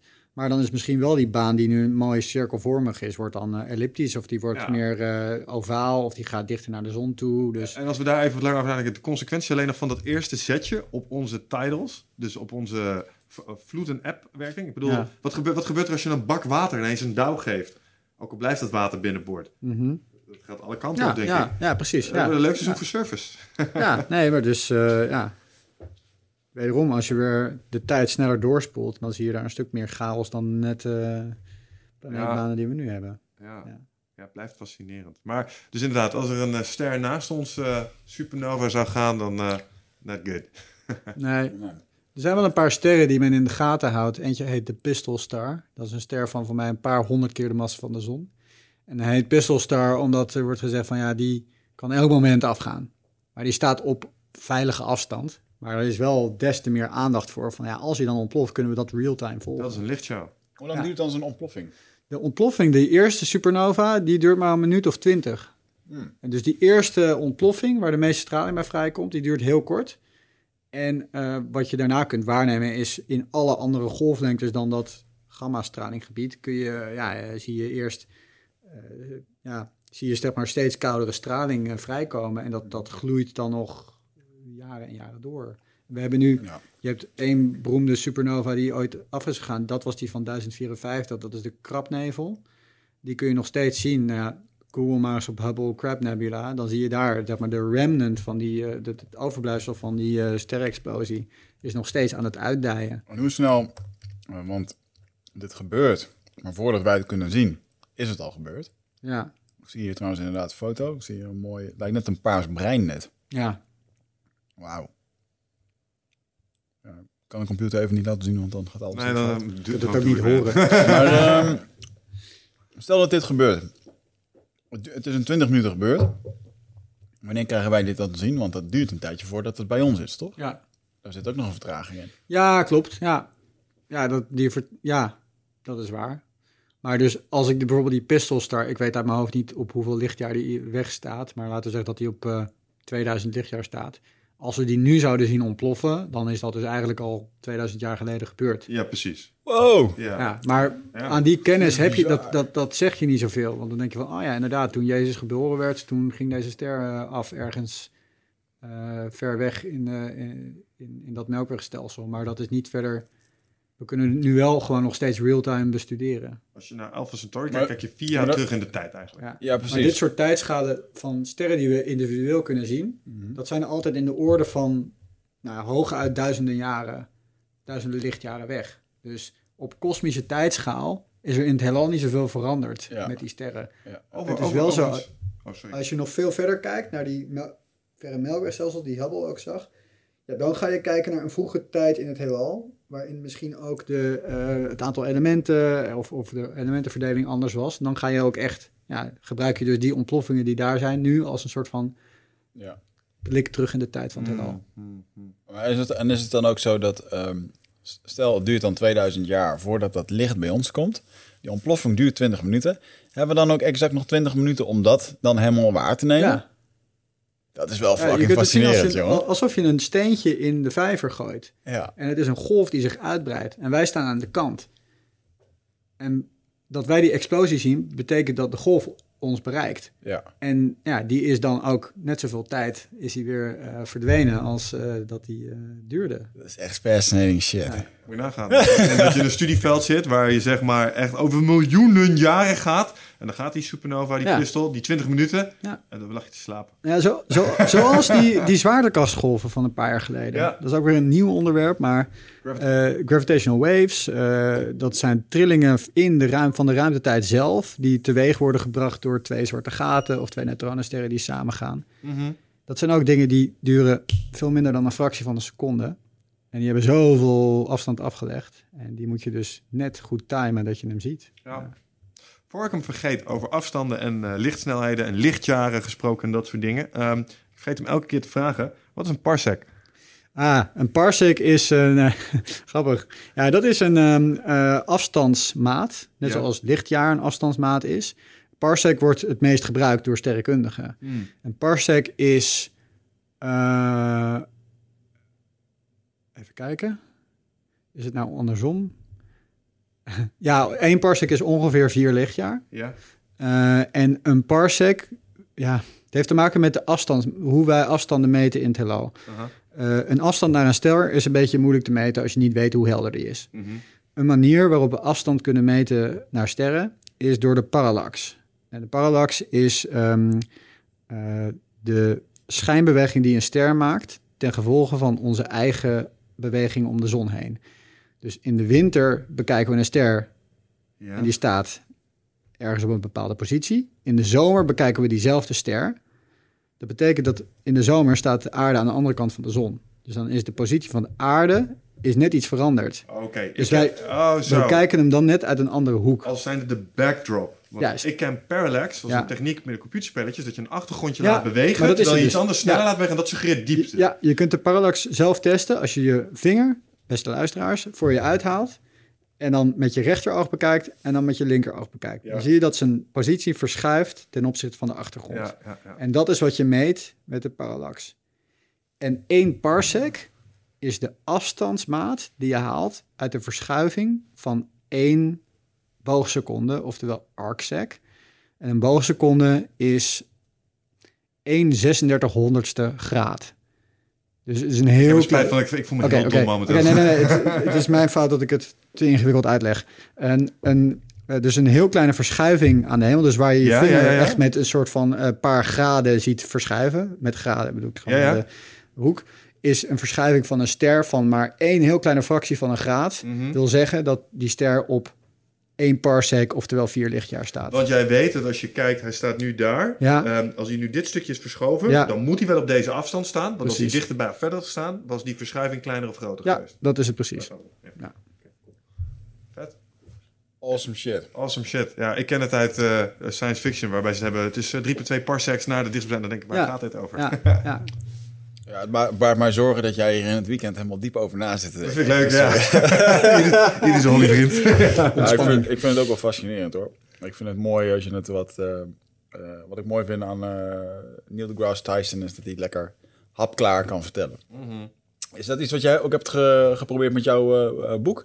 Of Ja. is dit meer voor de, eh, ja, voor de scientist? eh, Nee, nee, ik heb het juist geschreven voor mensen die er meer van willen weten. En ik heb het juist ook geschreven omdat ik ehm, ja, wil laten zien dat het ook echt mensenwerk is. Ik wilde juist die, eh, die vraag van zijn we alleen of zijn er ook nog andere werelden als een soort van rode draad door het boek heen gebruiken en hoe mensen daarmee om zijn gegaan. Ja.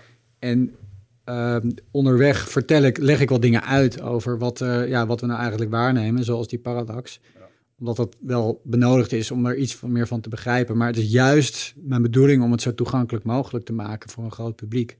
En ik, ja, wat ik net al zei, sterrenkunde kan je moeilijk maken, maar het is heel erg makkelijk om het leuk te vinden. En het is ook ja, iets wat je, waar je al zoveel over kunt te weten te komen en te ontdekken zonder al te technische details eh, erin te verwerken.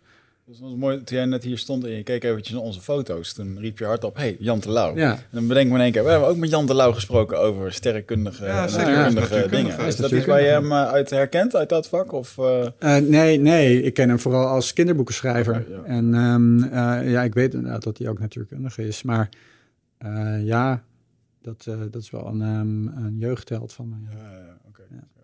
Ja. Zijn er nog dingen die mensen van jou moeten weten?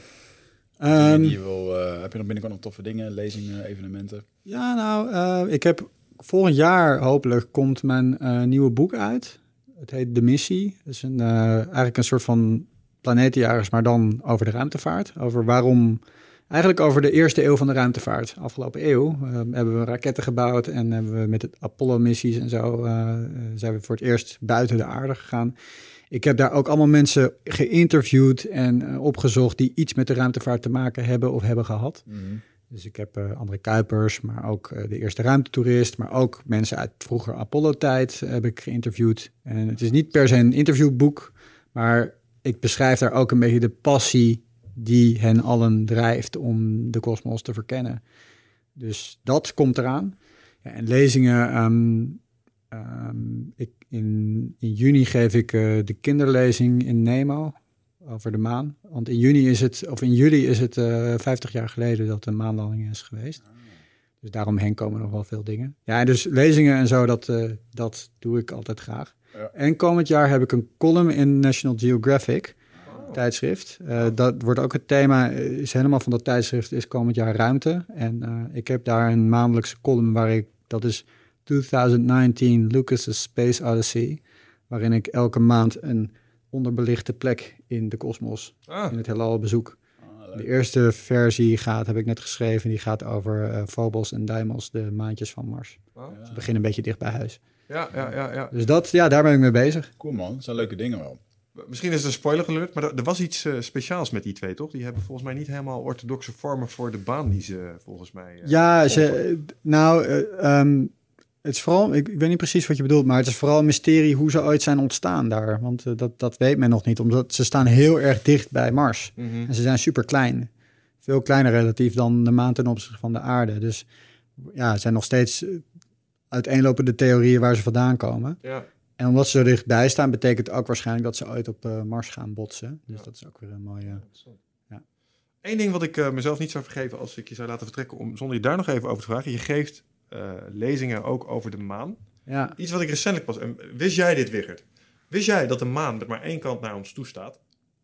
ja. Dat ding draait niet om zijn as heen. Hè? Er is gewoon één kant, die is gewoon altijd donker. Dark side of the moon. Dus de maan draait niet. Je kijkt altijd naar dezelfde kant als het goed is. Dus dat ding dat zit altijd op dezelfde manier. Klopt dat? Nou, het is niet helemaal waar.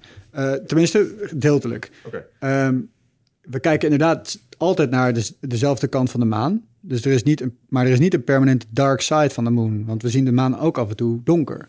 Dat is nog steeds kant. Dus af en toe staat hij met zijn rug naar de zon toe Ja, en is hij gewoon... het, ja. het is de far side of the moon. Dat is die altijd hetzelfde is. Nou, sorry, een beetje wijs, wijsneuzig. Nee, nee, maar- En over het om zijn as heen draaien. Hij draait precies één keer om zijn as per maand. Want als je het met je vuist eh, visualiseert, dan staat je vuist altijd naar dezelfde kant van je andere vuist gericht. En dan zie je dat eigenlijk deze hand heeft, als ik een rondje maak, heeft één keer rondgedraaid. Ja. Maar goed, inderdaad, de zwaartekracht van de aarde op de maan is zo groot dat het, zwaartekrachtsverschil tussen de near side en de far side van de moon de maan een soort van ja, vasthoudt in zijn gareel houdt, waardoor die zo meedraait. En dat is hetzelfde bij planeten zoals die planeten eh, die net gevonden is, die Barnard Star.